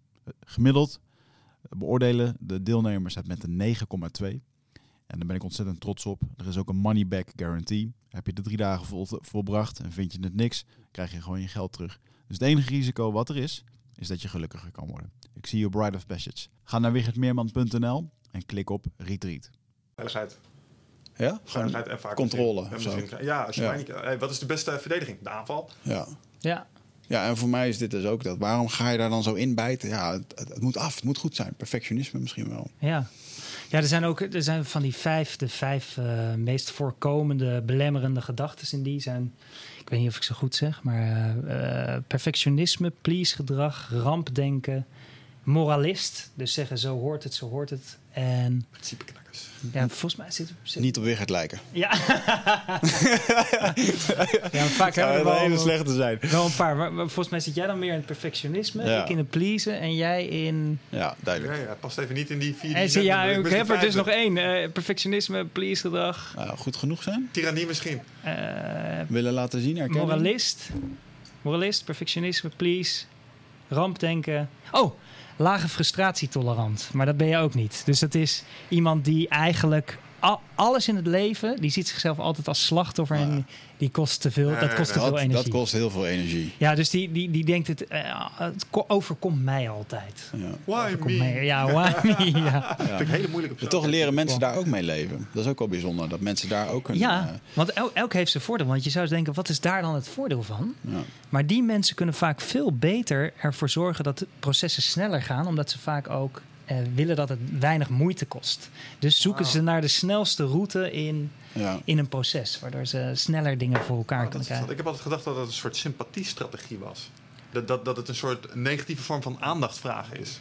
Ja, dat zou, ook, dat zou denk ik ook vaak voorkomen. In Want hoe vaak zie jij zulke mensen Ja. die zo denken, echt super succesvol eh, in de spotlight staan of op een leidinggevende positie? Ja, Zeer zelden. ja, ja. ja, ja. Zeer zelden. En Ja. dit is een, een verkapte manier, denk ik dan altijd, maar dat is mijn oordeel natuurlijk. Van, oh, dus dit is de manier waarop jij eventjes je shine pakt nu, weet je wel? Ja, ja, zeker. Zeker als het gaat over wijzen naar anderen van jij bent de schuld. Maar hier valt ook onder is... Alles kost moeite. Alles kost Ah, die ken ik dan moeite. wel weer. Ja, dit, dit is wel, want ik heb een keertje in een magazijn gewerkt eh, eh, in de tijd eh, na mijn HBO toen ik even geen werk had. Dat wilde ik toch wel doen. En dan zat je echt met mensen die eh, eh, ja, echt, in een, echt in een magazijn werkten en eigenlijk ook gewoon niet zo heel veel meer konden intellectueel zien. Gewoon doosjes scannen en echt één of twee handelingen. En ehm, ik weet nog wel dat toen ik daar kwam, moesten nieuwelingen, die moesten dan dozen, platte dozen uitvouwen tot doos, zodat anderen dan de doos erin konden. Dat was een soort van tweede level. Als je dan lang genoeg daar werkte, dan mocht je dat doen. Level Zo. 2 was doos in de dozen. En level 5 was dat je dan bij eh, de hele dag kon zitten. En dat er dan via een lopende band een doos voorbij kwam. En die moest je dan voor je zetten, scannen, even je nummer intypen en dan ging die verder. Dat, was de ultimate. ja. Maar het merendeel van al die gasten, de, een hoop zaten echt wel in die slachtoffermodus. En een aantal, die waren ook echt heel tevreden. Maar zaten nog steeds, eh, die hadden dan in een grote fabriek gewerkt waar een massa-ontslag was. En die waren dan blij dat ze nu konden werken. En die vonden het wel best. En dat was helemaal dat gedachtegoed. Zo van, vond ik ook wel heel bijzonder. Dat je gewoon... eh, dat je de- helemaal tevreden met dat. En als ik dan vroeg, maar zijn er dan geen andere ambities? Ja. Wil, je niet, wil je niet in daglicht werken? Wil je niet... Nou, is gewoon goed zo. Ik ben blij dat ik werk heb. Weet je wel? Ja. Wow. Ja, Daar heb ik een moeilijke vraag over. Hmm. Want misschien doe ik ze tekort. Maar ik durf te beweren dat mensen die over het algemeen in die industrieën werken, gebaseerd op mijn ervaring in dat soort eh, segmenten als student en baan, zijn misschien ook niet de meest begenadigde denkers. Ehm, en ik vraag mij af, in hoeverre is er is intelligentie een randvoorwaarde om dit, dit spel, zeg maar, waar we het nu over hebben, goed te kunnen spelen? Mhm. Omdat ik ook wel eens het gevoel heb dat die mensen die daarin zitten, ja, die hebben een, een, een, een ehm, cirkel van betrokkenheid die is niet zo hoog. Ook een, een stuk van invloed die is niet zo heel erg hoog. En ik heb het gevoel dat ze dat ook niet eens echt helemaal kunnen doorgronden zo Nee, af en toe. dat- Dus zonder dat ik ze dom wil noemen, noem ik ze eigenlijk, ze zijn eigenlijk een beetje te dom om het te snappen. Ja, Ehm, is dat zo? Of Nou, is het ik- ook volkomen mogelijk om zonder 150 IQ-punten dit eh, ik te weet, ik beheersen? weet dat zelf niet. Ik weet wel dat er een aantal onderzoeken over zijn over intelligentie gecombineerd met geluk. Ja. Maar dat, daar heb ik een beetje de klepel horen luiden. Eh, ik Hmm. kan het me nu niet voor de geest halen. Ik denk dat het meer gaat over een ondergrens. Dan heb je een heel groot grijs gebied. En mensen die weer heel slim zijn. ja, En dat grijze gebied, ja, dan, dan Ja. maakt het eigenlijk niet zoveel uit, intelligentie, om dit pad te gaan. juist. Eh, maar die ondergrens kan ik me voor. Ja, ik heb, ik, ik heb geen idee, maar ik kan me voorstellen dat het ook samenhangt met eh, minder reflectievermogen. Waardoor, ja. waardoor, eh, of überhaupt eh, minder intelligentie om te kunnen kijken, als je dat onder intelligentie verstaat, om te kunnen kijken naar je patronen en waarom je dingen doet. ja. Ja, dus eh, ik kan me voorstellen dat dat samenhangt. Maar ik, heb, ik heb, ben daar geen eh, expert. Maar ik denk wel dat dat echt best wel laag zit hoor. Is dat dat niet, is dat, is niet dat riedeltje van heel erg onbewust onbekwaam, zeg maar? Dat je Ja. het gewoon ook niet weet? Ik had, ik had zelf laatst een therapiesessie over een ding waar ik zelf niet bij kwam. Waarvan ik het echt allemaal wel weet. Ik bedoel, ik lees ook een boek, ik schrijf nu ook een boek. Maar ik verval ook nog af en toe in het, in het ding dat ik iets aan het doen ben wat ik, waar ik zelf over aan het schrijven ben. Ja, zeker. Ja. En dan... Ja. ehm, Maar en toen, extra en- en dan, ja, dan is, ja, precies. Maar dan is het dus Of je hebt de oplossing gevonden. maar dan is het dus niet de, de, de. Het is niet dan niet zozeer de wil, maar het was eerder een stukje eh, onmacht. Dat ik er nog niet helemaal bij kon over hoe dat jouw systeem, je lichaam, je voelen, je denken. werkt op een bepaalde manier, zodat je het kan veranderen. Dus ik denk dat heel veel mensen in een soort van. Ja, ze willen ergens wel. Maar ze weten niet hoe, omdat Ja. ze zichzelf niet goed genoeg dat, dat stukje eh, eruit gaan en even kijken wat er allemaal gebeurt en daar je vinger achter krijgen. Ehm, en ja, dat is toch wel een beetje de blauwdruk die je leert kennen door middel van dat soort gesprekken. Zeker, ja. Ik heb zelf, eh, dat is ook een sleutel hierbij aansluiten. Dat eh, bedoel ik niks met intelligentie, maar in mijn coachings en trainings in het verleden. Waar, was soms een nood, eh, zeg maar, wat ik heel moeilijk te kraken vond, namelijk mensen die diep van binnen niet willen. Oh ja. En die ook wijzen dus, hè? ja. Dus die, dus die wijs van alle, het is schuld van iedereen. En diep van binnen geen enkele eh, lij- lijkt het, in mijn opzicht. En daardoor werd het vaak, als ik met die mensen werkt, eh, werkte... Want vaak zie ik dat in eerste instantie als een hele uitdaging. En denk, leuk, leuk, leuk. Maar er waren ook gevallen bij dat, ik, dat het een self-fulfilling prophecy werd. Omdat ik dacht, nou, die wil, die wil gewoon niet. En Ja. daardoor werd het nog meer versterkt. Want ik ging naar diegene op die manier kijken. En, eh, Ja, je kan jezelf een heel eh, fijn gevoel geven door eh, te zeggen dat je het wil. En een coaching traject te starten. Dan voelen dat je bezig bent, eh, maar er eigenlijk niet zoveel mee doen. ja, En, eh, en ook daarin zou ik dan soms wel zo kunnen zeggen van oké, ehm, er komt dan toch ook weer op een stukje discipline. Ik ben van mening dat discipline komt uit, eh, discipline wordt gestuurd door wilskracht. Wilskracht ontstaat uit verlangen. Hoe graag wil je het? Eh, maar er zit zeker ook nog wel een stuk bij van ja, je kan iets wel heel graag willen, maar als je het niet kan of niet snapt, ja, maar dan moet het verlangen eigenlijk zodanig groot zijn dat je dus wil leren hoe dat het werkt, zodat je het kan snappen, zodat Ja. je het kan bereiken. Ja. ja, want in de wil zit ook het niet snappen. Namelijk, Ja. ik weet het niet, ik wil het wel, Ja. maar ik heb het meer over. Ik vind het interessant dat dat verlangen er niet dan Ja. niet lijkt te zijn. Want ik kan natuurlijk niet over die persoon Ja. spreken wat er intern plaatsvindt. Ja, dan denk ik altijd aan het stukje... alles wat je doet, he- ehm, geeft een beloning. Ook Netflixen, eh, een zak chips trekken, eh, een zak, een zak chips opentrekken en eten. En, ehm, het geeft je de beloning, het ontslaat je van dat werk doen. Omdat je, dus het geeft de beloning van, dan hoef ik dat Mhm. niet te doen of zo. En dat, Ja. dat vind ik echt een, een wespennest of een soort spaghetti in iemands zijn brein slash lichaam... waar je af en toe heel moeilijk eh, bij kan komen. Ja, Ehm, en dan vraag ik me wel eens af, maar als dat zo'n zo'n bol wol, moet je dat een beetje zien. Zo complex zit dat in elkaar. En dat proberen we nu een soort van uit elkaar te trekken. Dat gaat niet in drie coaching sessies lukken. En ook niet in twaalf, weet je wel. ja, Dus eh, ga dit drie jaar lang doen, iedere maand. Of iedere, en, dan, en, dan, en dan langzaam komt daar wel een soort van Ja. iets Ja. uit. Ik, ik zie dat eh, denk ik als... eh, ehm, want ik herken die eh, harte kraken noten in dat opzicht ook. Mijn conclusie was altijd... er is een hele lage ongemakstolerantie in die mensen. Dus ze zijn niet gemakkelijk met Mhm. ongemakkelijk zijn. Mhm. En daar kunnen ze niks aan doen, omdat ze bijvoorbeeld een bepaalde jeugd hebben gehad. Of met twee vingers in de neus een hele WO afronden. En toen ineens kwamen ze op een werkvloer waar dingen van ze werd verwacht. En nu ineens moeten ze ongemak ondergaan. En dat vinden ze lastig. En daar vluchten ze voor, want fight or flight gaat aan. Ehm, dus ergens denk ik dat je, dat, eh, dat je er ook niet zo heel, heel erg veel aan kan doen. eh, dat, je, dat je dat verleden hebt. Maar ik vind het wel een frustrerend type om geactiveerd te krijgen. Ja, Laten we het dan ja, maar ja, zo ja. zeggen. Ja. Ja, ja, heb, ja. Je, heb je inmiddels toch een paar best practices kunnen vinden om zulke mensen. Nou ja, eh, wat ik heel erg probeer te, te, te vinden in zo iemand om heel goed te luisteren en zeg maar het, ja, de, zeg maar het, het pijnpunt of het kwetsbare punt te horen van die persoon. Eh, en op het moment dat dat aan de oppervlakte komt, dan is die vaak ook veel ontvankelijker voor je. Want het is vaak ook omdat ik ben de vertegenwoordiger van dat ongemak. Dus ja, ik ben de laatste die wordt binnengelaten in, in de poort, om het zo maar te zeggen. Dus, dus op het moment dat ik die, die, die, die, want iedereen heeft die plek. Daar ben ik altijd van overtuigd. Mm. Het is alleen de vraag of, die, of, of, of dat aangeraakt kan worden. En ik, ik geloof zelfs dat je op je zestigste dat die, die, die, die, die, eh, kwetsbare plek of eh, waar je jezelf meer durft te tonen.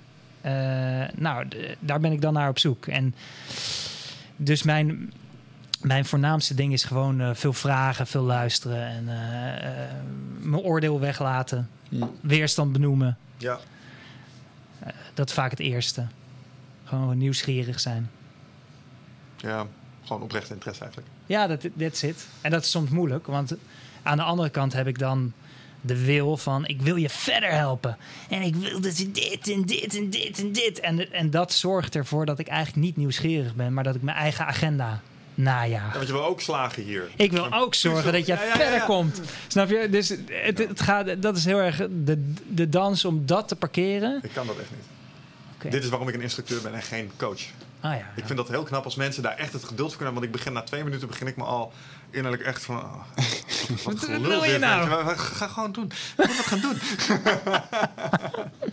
Ah ja, ja, ja. Dus eh, nee, ik ben heel blij dat er mensen zijn die dat, eh, die dat geduld wel hebben. En wat natuurlijk helpt is dat jij het interne gedachteproces bij die mensen ook eh, iets beter doorziet. Waardoor je het begrip kunt hebben. En dat geeft je ook gewoon wat aanknopingspunten denk ik, om met ze verder te werken. En dat is misschien waar het mij nog wel een beetje ontbeert. Want ik heb één strategie. En als die niet werkt, ja, dan ben ik verloren. Ehm, maar nou, helder verhaal. Ehm, hey, we, hebben, we hebben het al een beetje gehad over, ehm, over aandacht. We hebben het gehad over je innerlijke criticus. Iets waar ik het ook nog even met je over wilde hebben... is een hoofdstuk uit je boek. Geluksvaardigheid. Hmm. Dat klinkt als een goede skill om je eigen te maken. Wat, wat bedoel je daarmee in je boek? Ja, dus het, het, het, eh, het metafoor zeg maar, van het boek bestaat eigenlijk uit drie delen. Namelijk als je je leven als een tuin ziet, dan, eh, nou, dan gaat, het, eh, gaat aandacht over het zien van je tuin. Zien welke bloemen er staan, welk onkruid er is. En dan gaat veerkracht gaat veel meer over het wieden van het onkruid en daarmee om te gaan. En dan gaat eh, positiviteit en altruïsme, oftewel geluksvaardigheden, gaat meer over kun je daar bloemen laten planten en zorgen dat die ook bloeiend blijven. Dus Hmm.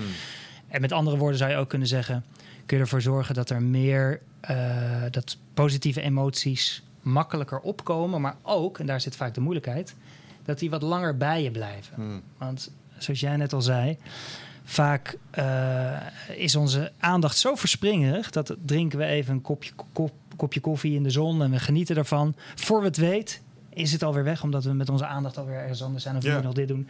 Dus het gaat ook heel erg over het vermogen om te koesteren op het moment dat je nou, positieve emoties en, eh, en daarmee samengaande gedachten ervaart. Ja, Mhm. ik, de, de, wat echt het beste truc voor mij was om hier een stap in te maken, was van social media afgaan.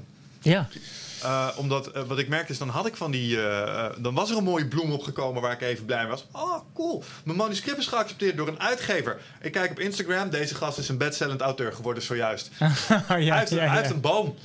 Ik heb een madeliefje, weet je wel. Dus door je vergelijkingsmechanisme denk je... eh, ik, wil- ik wil zijn bloem. Ja. Dus, d- d- dus je hebt even wat minder waardering voor die bloem. En sinds ik niet meer zoveel kijk naar wat anderen in Dat godsnaam aan het doen zijn, Ja. gaat dat een stuk langer mee ineens. Ja, het is een hele mooie tip. Het is ook door vervulde, door een paar onderzoeken zijn er die dat ook bevestigen. Dat Mm. Facebook en eh, Instagram er echt voor zorgen dat je ongelukkiger wordt door het vergelijken. continu. Ja. Ja. Ik ben nu, ik ben dit weekend heb ik het boek eh, Digitaal Minimalisme gelezen van Cal Newport. Heeft dat boek Deep Work ook geschreven. Ja. En dat, hij legt daarin heel mooi uit inderdaad dat je bent gewoon... Dat ding is gewoon veel slimmer dan jij, dus je kan er helemaal niet... eh, je kan allemaal mooie voornemens hebben, maar Ja. als je een keer een slappe dag hebt, dan, dan overmand dat je gewoon. Ja. Ja. Maar ik heb nu dus allemaal dingen gedaan. Ik merk dus dat ik bijvoorbeeld uit een eh, automatisme eh, wel eens Chrome opende. En dat ik dan even nu.nl keek. Ja. Ehm, en eh, eh, nu heb ik dus bijvoorbeeld een, een blokker erin die al die pagina's gewoon niet gevonden. Ook niet zo'n blokker die dan een of andere dingen van get back to work. Gewoon nee, die pagina bestaat gewoon niet meer. en eh, en ik, van de week heb ik dus een paar keer gemerkt dat ik toch dan even open en dat ik het toch probeerde terwijl ik. Om, oh ja, shit, die heb ik uitgeroepen. Maar ik zit er dus niet meer op. Welke gebruik je daarvoor? Ja, dat is een goeie. Ik kan zo even. Het is echt een hele goeie. Via Chrome heb ik die. eh, Het is gewoon een blokker. Van, b- b- ding is leeg. Maar ik ga er een ding over schrijven en dan zal ik het naar je toesturen. Ja, Maar eigenlijk zijn dit een herhaling van je oude drugs, eh, vriend. Ja, ja, dit heb je al eerder gedaan. Ja, Op zeker. Of zeker. Vroeger toen had hij een forum. Dan had ik, en daar zaten we allemaal op, want we kennen elkaar van een vechtsportforum. Dan had ik examens. En dan zat ik gewoon, want daar was interactie. Daar was eigenlijk dezelfde. Nog Iedere keer als je daar keek, dan gaf je een reactie. En dan konden andere mensen op reageren. Fucking verslavend. Het was echt een community. Ja. En ik heb nu met mijn telefoon heb ik, ehm, eh, de kinderbeveiliging erop gedaan. Dat geen enkele website meer bekeken kan worden. Dus bijvoorbeeld gisteren ook weer iemand die dan een berichtje stuurt via Instagram. hey, kijk hier eens. En dan kijk erop. En dan denk ik, ja, dan was ik nu weer naar Facebook gegaan. Of, en dat kan nu gewoon niet meer. En eh, wat de, het beste wat ik nu van, de, van het eerste deel van het boek eruit heb gehaald is...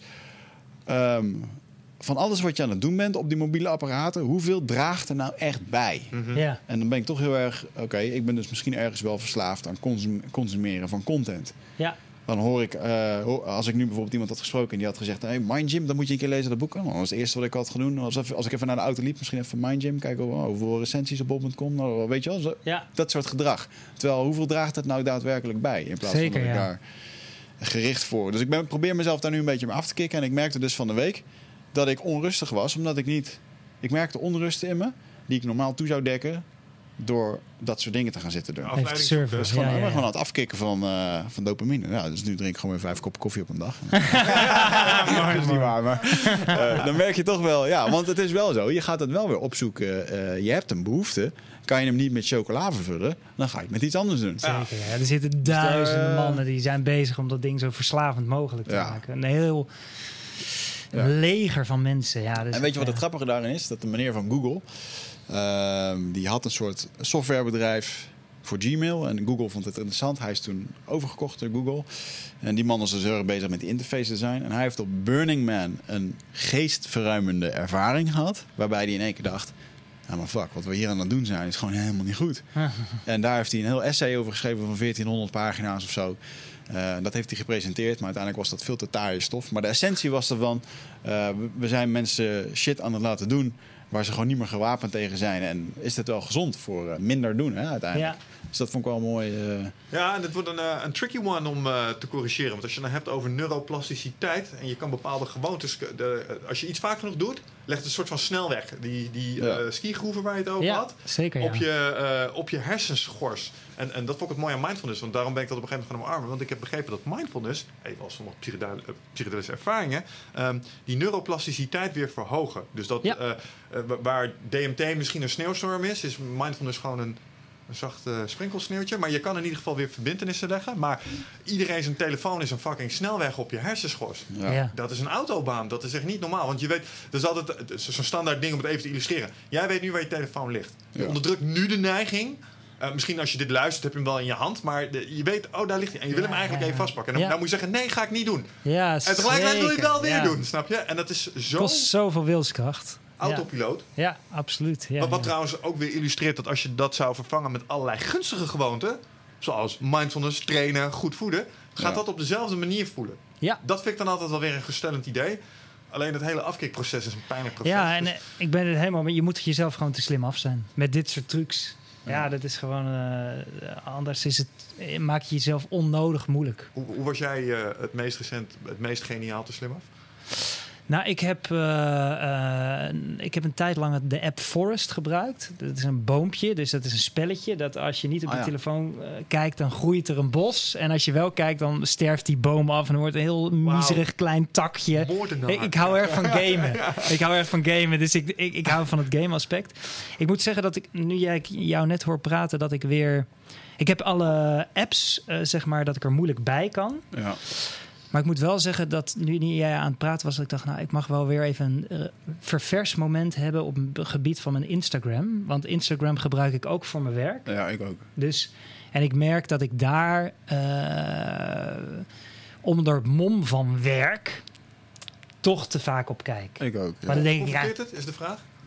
wat zei je? Converteert het? Wat bedoel je met comfort? Nou, heel simpel. Eh, als, als je eh, ergens een uiting plaatst, resulteert het in sales, business, Ja, kijk, omzet. Ja, eh, ja, het is... Want als het voor je werk is, moet het dat Ja, maar- doen. Want, maar- ja, het is voor mijn branding. Ja, Maar dan kom je op dat stuk. Dat betekent dat die vijf minuten per dag zou die dat kunnen doen. Dat is voldoende. Ja, Dat dan, is dan voldoende. zou je daar, daarmee kunnen Vijf minuten is voldoende. Maar het is dan toch, eh, toch eventjes kijken. En, ja, en, en, Ja. eh, ja, dus dat is wel weer naar aanleiding van wat je net hebt Ja. gezegd. Ga ik heb, dat, ik heb al die apps eraf gegooid, ook van Apple zelf. Dus ik heb echt een heel leeg scherm. Alleen maar de, de zakelijke dingen. En nou, ik zit niet om de vijf minuten op mijn bankrekening te kijken. Dus, ehm, en wat ik dan nu voor Instagram heb gedaan. Ik heb vorige week een fotoshoot hier gedaan. Een paar honderd foto's. En ik ga nu proberen om één keer in de week teksten te schrijven. Ah, eh, dat is- voor waar ik eh, die week over wil kletsen. En dat ik een beetje ga kletsen naar de evenementen die ik heb. Dus als ik binnenkort een workshop heb, dan moet daar sales voor gedaan worden. Als ik daar een dag voor copy ga schrijven, nou, dan kan ik daar dus de hele tijd. En dan laat ik iemand anders dat inplannen. je laat het eh, ook iemand anders versturen. Dat of is, dat is de planning. Nou, dat is de planning. Ja, iemand anders gaat dat ook voor mij in zo'n softwareprogramma doen. Dat Ah, is ja. waar ik er naartoe wil. En eh, mijn grote gevaar is, maar vind ik, wel, ik vind Instagram ook heel leuk. Ik vind het ook heel leuk om met mijn kat foto's eh, in stories te doen, stomme verhalen te vertellen, af en toe mijn irritaties van me af te schrijven en zo. Ik vind dat leuk, hè? ook interactie met mensen. En ik denk ook dat je wordt afgestraft eh, door het algoritme als je dat niet doet.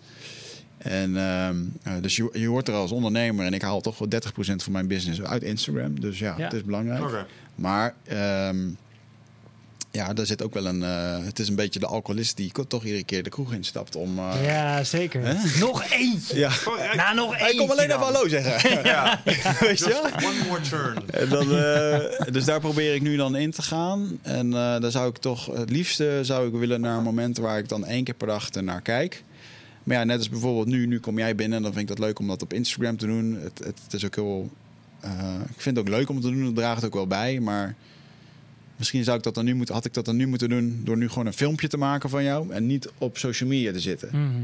Ja, want nu maak ik een filmpje voor jou op Instagram. En terwijl we hier nog zitten kletsen, zit ik half te typen en zo. Ik had beter gewoon even dat filmpje kunnen maken. En dan straks een moment, een half uur, alles in één keer kunnen doen. Want voor de Ja. luisteraar maakt het geen fuck uit. Dat is Ja. het voordeel van een co-host hebben. Dan kan dat. Als je alleen had gezeten, dan was dat niet mogelijk geweest. Eh, ja, zeker. Ja.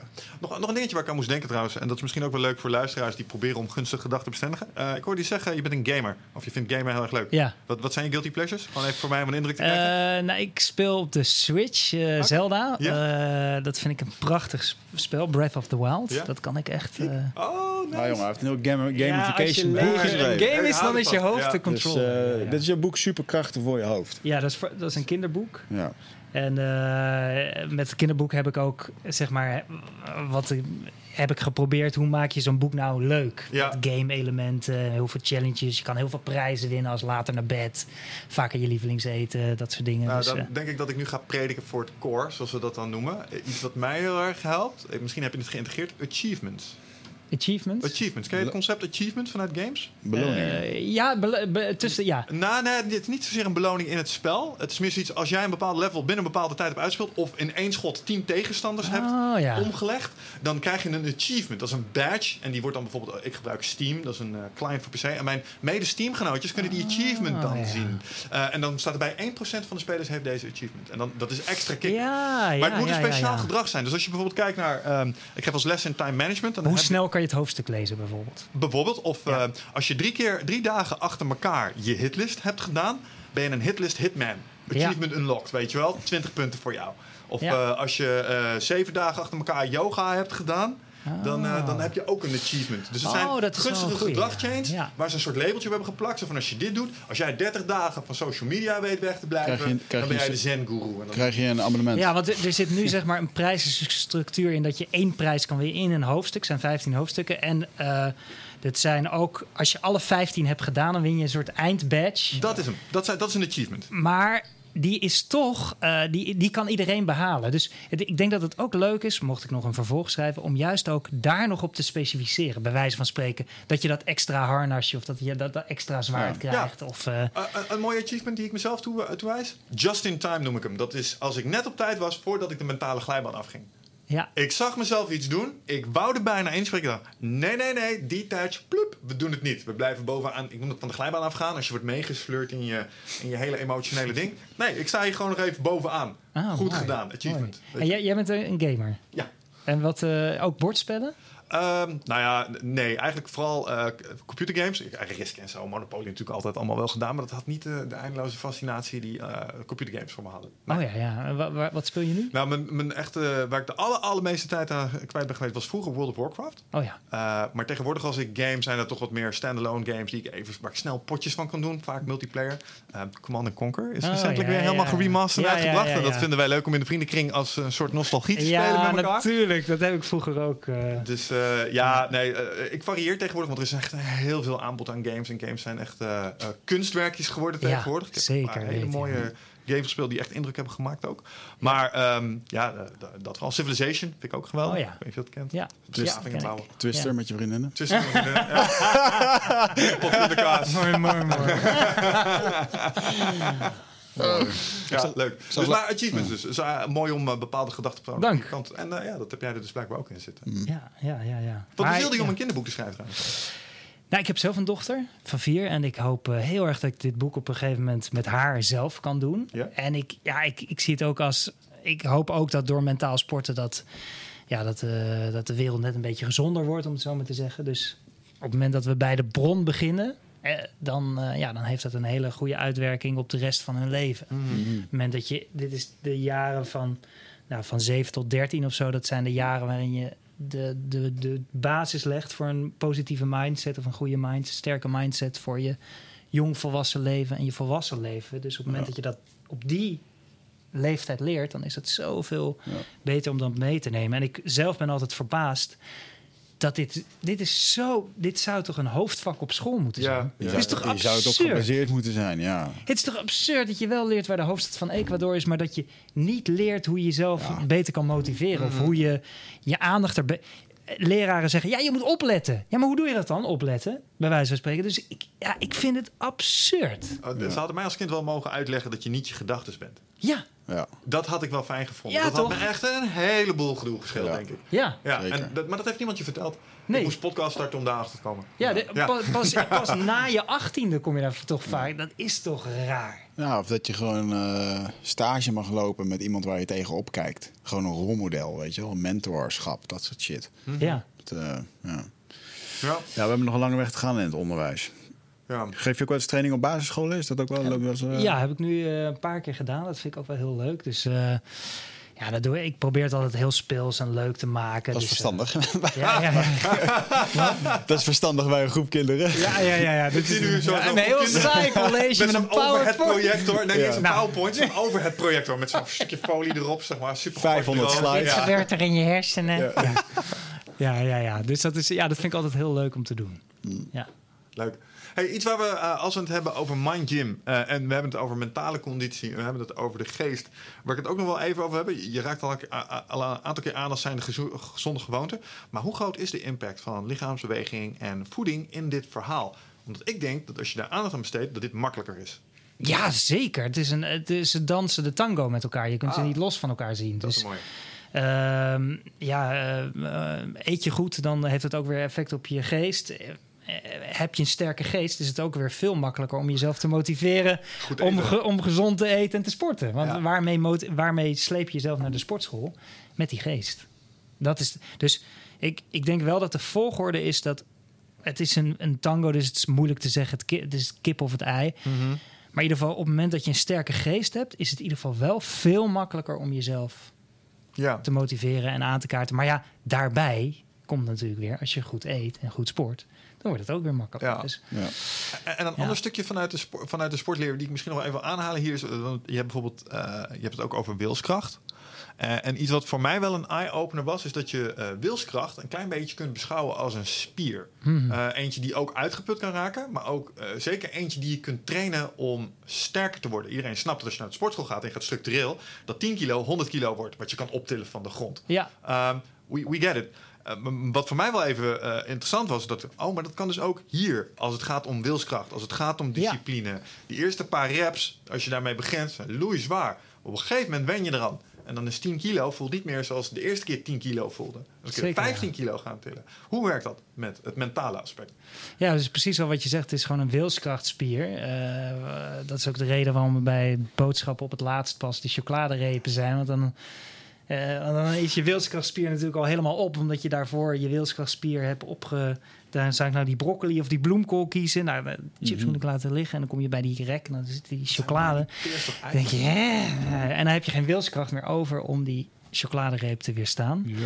Ja. Uh, en ja, een heel simpele manier om die wilskrachtspier bijvoorbeeld te trainen, je hebt verschillende technieken, is uh, bijvoorbeeld bewust iets bij je dragen waar je verslaafd aan bent.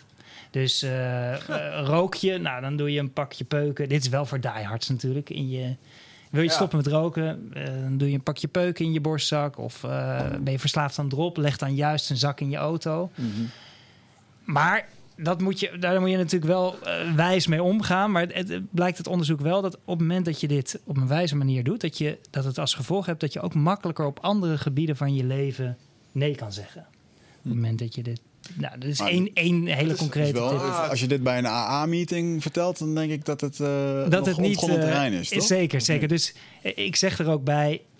dit doe je alleen op, op, je, op het moment dat je merkt dat je het aan kan. Ja. Je gaat ook niet, op het moment dat je heel weinig eh, conditie hebt, ga je niet meteen een marathon lopen. Nee. Nou, dan doe je eerst een paar rondjes door het park. Nou, zo, dit is meer een techniek voor de diehards. En een hele simpele manier om al dit ook te, te trainen is bijvoorbeeld ehm, eh, elke dag met je andere hand de deur te openen. In plaats van, eh, ja, dat is ook wel een manier waardoor je eigenlijk je wilskracht een beetje iets meer... Ja, je wordt mindfuller.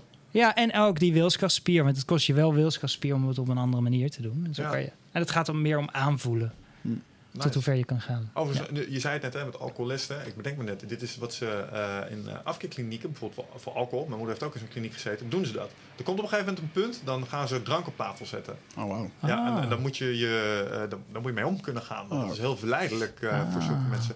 Het doet me ook een beetje denken aan wat je zegt aan uh, eigenlijk blootstellingstherapie. Ja, exposure, ja. Ja, uh, ja uh, inoculation. Um, volgens mij hebben we het hier wel eens gehad over het verhaal. Maar ik hoorde een keer, ik weet niet of je kent met Jordan Peterson, dat is een klinisch uh, psycholoog. Mhm. En die zei, joh, sommige mensen die zijn heel erg bang voor injecties.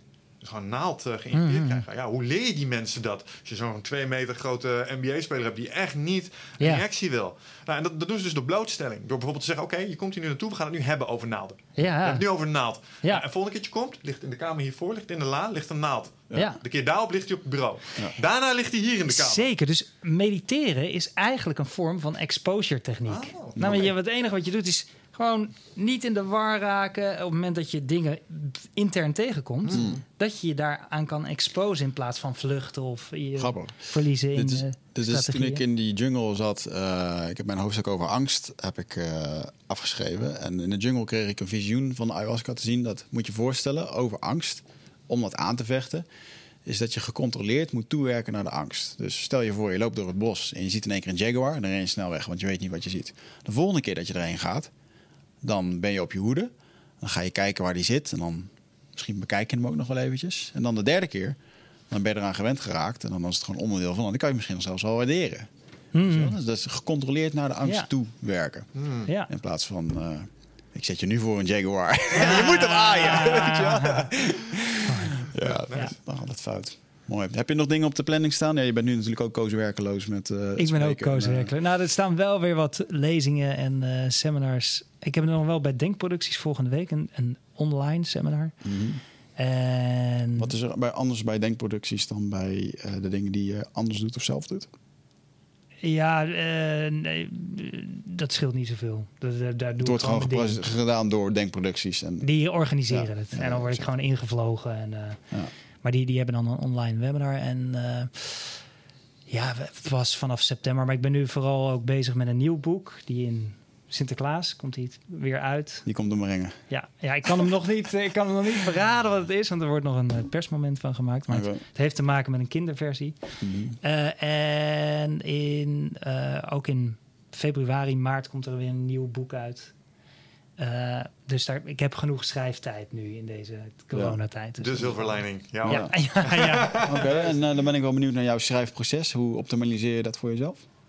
Ja, ik, ik, ehm, ik lijk wel een beetje op jou daarin. Dat ik gewoon denk, ik moet vier, zes uur schrijven. Dus ja, bij mij helpt dat ook wel vaak. Eh, en ik heb, eh, wat ik merk op het moment dat ik een writersblok heb... dus ik zit vast, dan merk ik dat mijn aandacht heel erg vernauwt. Mhm. Nou, wat op het moment dat ik positieve emoties ervaart... wat gebeurt er dan met de aandacht? Die wordt vanzelf opener. Dus een heel simpel dingetje wat ik bijvoorbeeld tijdens het schrijfproces doe, is dan doe, is dat ik, ben ik aan het schrijven en dan merk ik lukt niet, neem ik even een korte pauze en dan ga ik op YouTube dingen kijken die mij ontroeren.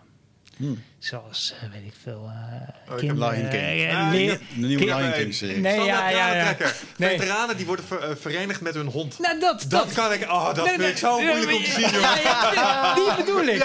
Of, of, eh, of eh, kinderen die hun adoptieouders met papieren van adoptie surprise. Van hier, je mag me adopteren. Of eh, Steve Hartman, dat is ook een hele goeie. Die heeft heel veel, die gaat, reist door Amerika en die, die vertelt dan mooie verhalen.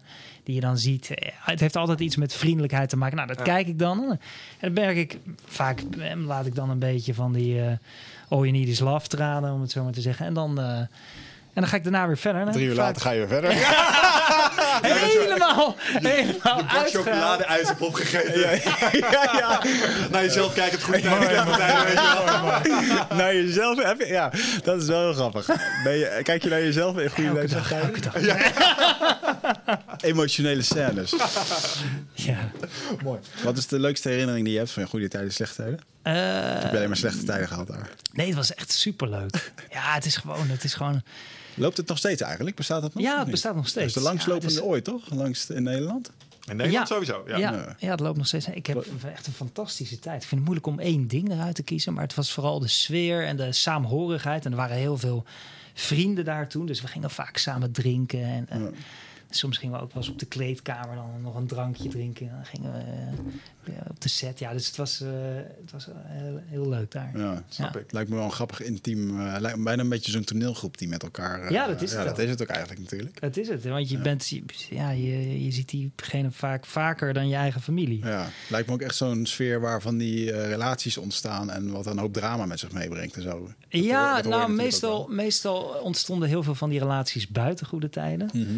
Zeker bij de mannen, omdat je het- in die tijd, eh, ja, dan was je eh, zo populair dat het. eh, Was gunstig Is- voor je is dat- seksuele ja, kapitaal. het is gunstig voor je, voor je mojo. het Is dat nu niet meer zo? Als je nu dan of is het gewoon? Weet ik kijk niet. geen televisie al echt Ik al weet het niet. jaar, dus- Ik, ik heb geen idee hoe dat nu niet meer zit. voor open. Maar toen was, het, ik, toen was televisie groter dan dat het nu is natuurlijk. Ja. Dus ik, ik weet niet hoe het nu is, maar toen was het meer, meer bijzonder om op de televisie te komen. PTSD dan, eh, kon niemand om me heen, ook al wou je het. Ja, ja, ja, ja. Ah, ik had ook Ja. poster van Katja boven mijn bed. Dus, eh, Ja? Ja, wel. Nog steeds? Nog steeds.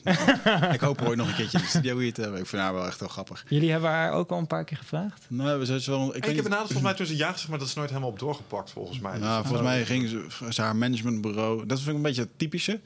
Dat veel van dat soort eh, sterren, sterren met een manager, die, eh, die worden dan gecontact via het managementbureau. En die managementbureaus die zijn super huiverig om ze hier naartoe te sturen. Ah ja. Want, eh, nou ja, ik zou je bijvoorbeeld dat kunnen vragen over psychedelica of zo, weet je. Ja, en, eh, ja, en die mensen dachten, wat, welke vragen ga je dan stellen? Ja, dude, we gaan drie uur met haar in gesprek, weet je wel. Wat, wat wil je? En dan... Ja. Eh, en in dit geval was het bij Katja dat ze een boek ging uitbrengen. En daar wilden ze op wachten. Maar volgens mij is het daarna nooit meer... Wat zou je er willen vragen? Lijkt me meer... Nee, voor, dat, voor dat soort gasten is het voor mij meer gewoon heel erg grappig dat ze hier zijn. Want Ja, ja. zelfs dat Giel Bailey hier zat. Ja, die gast ken ik van de radio. Die luisterde ik toen ik, eh, weet ik hoe oud was. En dat het dan in één keer hier zit en dat je ermee kan praten. En Ja. dat je je Ja, eigen ja. herinneringen erbij hebt. Dat, dat vind ik het leukste aan dat soort gasten. Het is niet dat eh Ja, Katja leven mij nu zo per se ontzettend boeit. Behalve het feit dat ze wel gewoon een... eh, ik vind hem wel heel authentiek en echt. Ja. Eh, en anders, als, dat niet was, als ik dat gevoel niet zou hebben, dan zou ze überhaupt niet welkom eh, zijn. eh. Ja. Dit valt ook in de categorie Achievement Unlocked. Dat is een achievement. Katja Ja. Schuurman die in de studio gaat. Pling. Ja, maar wie maar- weet, wie weet wat deze, deze aflevering gaat Ja, doen. want wie is, nou, wie is nou eigenlijk een volgende voor jou die je nou nog zou willen? We hebben nu André en Wouter gehad, dus ja, nu... eh, Oh, Nu is- ja, nu is, nu- klaar, nu is ja. alles, Nou, nee, eh, ik heb, nog, ik heb nog een hele wensenlijst met eh, mensen die voor mij wel mijlpalen zijn. Eh, de koning natuurlijk. Dat is misschien wel de laatste Nederlander die ja. echt bij mij op maar dat is een beetje de ultimate... eh dan stoppen we Ja, wel. Sam Harris, Jocko Willing. Sam Harris. Jo- ik heb vanochtend nog naar hem zitten luisteren. Ik ben Wat fan een- van hem. Ja, Ja. ik word zo kalm van die man. Ik ben Ja. zo fan van hem. Hij kan zo helder uitleggen. Ja. Zijn intellectuele zuiverheid is wat ik echt het meest bewonder in hem. Hij is prachtig. Ja, dus Sam Harris, Jocko Willing. Eh, ja, Joe Rogan natuurlijk. Dat, Ja. dat zijn Ja. eh, Eh, maar- tegenwoordig de Weinstein Brothers ook. Brad en Eric. Dat zijn, eh, dat zijn ook slimme jongens. Zijn een beetje up-and-coming door de Joe Rogan podcast. Geniaal, die Maar lui. en, en. Nederland? Ja, Nederland, ik zei al. Daar hebben ze volgens mij over het algemeen... Ja, natuurlijk nog een, een shit... shit Cor Hammers, die binnenkort komt. Dat vind ik echt cool. Oké. Een van de grondleggers van eh, Golden Glory eh vechtsportteam destijds. Ah. Een van de- ja, dat vind ik wel een mooie. Ja, en natuurlijk zijn er bijvoorbeeld een, eh Pieter Jan Balkenende of eh, Rutte... zou ik uiteindelijk ook nog wel eens een keer willen spreken. Pechtold. Dat lijkt me ja. ook nog wel een interessante man. Maar dat is een beetje het politieke spectrum. Maar voor de rest eigenlijk... eh, Hmm. ja, wat, we, wat we kunnen krijgen is natuurlijk mooi, hè? Ik bedoel, eh, eh, zoals Giel ook, die stond niet origineel op het lijstje, maar toen hij er zat, toen realiseerde ik me pas hoe kick en ik het vond dat hij er was. Dus, ja, eh, leuk. ja. Ja. Ja. Ja. Mij lijkt Regilio Tuur nog wel een keer interessant. Ondanks dat ik hem ook wel eens op tv heb gezien. Dat ik dacht, eh, onder welke steen heb jij nu de afgelopen tijd gezeten? mm, Ehm, maar ik vind hem wel heel interessant qua eh, wat er allemaal in hem omgaat. En om daar, want ik zie hem natuurlijk alleen maar op televisie. En ik zie ook wel dat hij daar uit de tent wordt gelokt en dat hij dan gewoon hapt. En dan denk ik, oké, dat zou ik anders doen. Hier, hier zou ik een ander gesprek met hem hebben. Dus ik ben wel benieuwd of hij eh, Ah ja. wat voor. eh, maar ik zie wel, en wat ik herken bij dat soort sporters, kampioenen, is een bepaalde visie over zichzelf. Die, die ik heel interessant vind. Dat mensen zo in zichzelf kunnen geloven. En, ehm, dat vind ik heel bijzonder. vind ik mooi. mm, ja, Alistair Overeem heeft dat ja ook. zat ik ook Die, direct eh, aan te denken. Die, die heeft het ook gewoon zo'n eh, ja, een bepaalde laag over zich. En ehm, ja, wie nog meer? André Rieu lijkt me ook interessant. Hmm. Dat eh grappig, we hadden het net over dat eh, de Blue Marketing Strategy verhaal, over je eigen niche creëren. Daar werd hij ook in genoemd dat hij dus het orkest naar een eh, het klassieke orke- orkest omtoverde naar een popconcert. Ja, Daardoor is slim. het heel erg succes, Ja. succesvol. Slim, geworden. ja.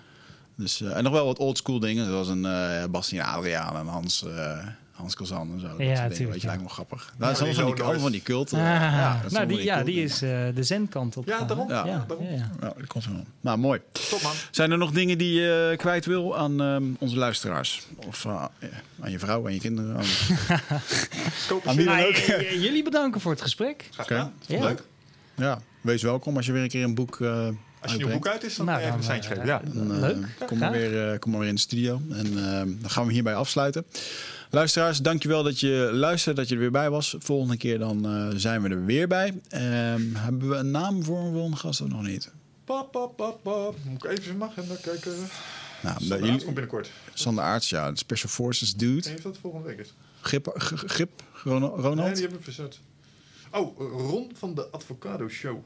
Ah ja, dat is een leuke. Ron Simpson wordt een hele toffe. Als je het hebt over een creatieve media guru in Nederland, dan eh, is dat Ron die eh, een restaurant heeft geopend en dat wat een wereldwijde hit is geworden, waar ze puur en alleen maar gerechten met avocado maken. En ja, dat zijn grappige dingen. Hij organiseerde ook eh, feesten waar iedereen dan gewoon kip kwam eten, maar dan moest je wel in een driedelig pak komen. En, zo. En daardoor, en daardoor was het dan snel uitverkocht. Dat zijn wel leuke dingen. En, eh, en dan kwam een begaafd spreker. Arie Boomsma heeft aangegeven dat hij wilde komen. Ja, die komt twee weken. Dus die, eh, die heeft het nu druk op social media, zag ik. Die werd helemaal die werd aangevallen nu op social media. Iedereen wordt aangevallen momenteel op ja, social het is media. echt. eh, we gaan het er ook niet over hebben trouwens. Mag hij zelf iets doen in de studio. Anyway, grote namen komen. Blijf luisteren. Dankjewel voor het luisteren en tot de volgende keer. On to the next one. Ciao.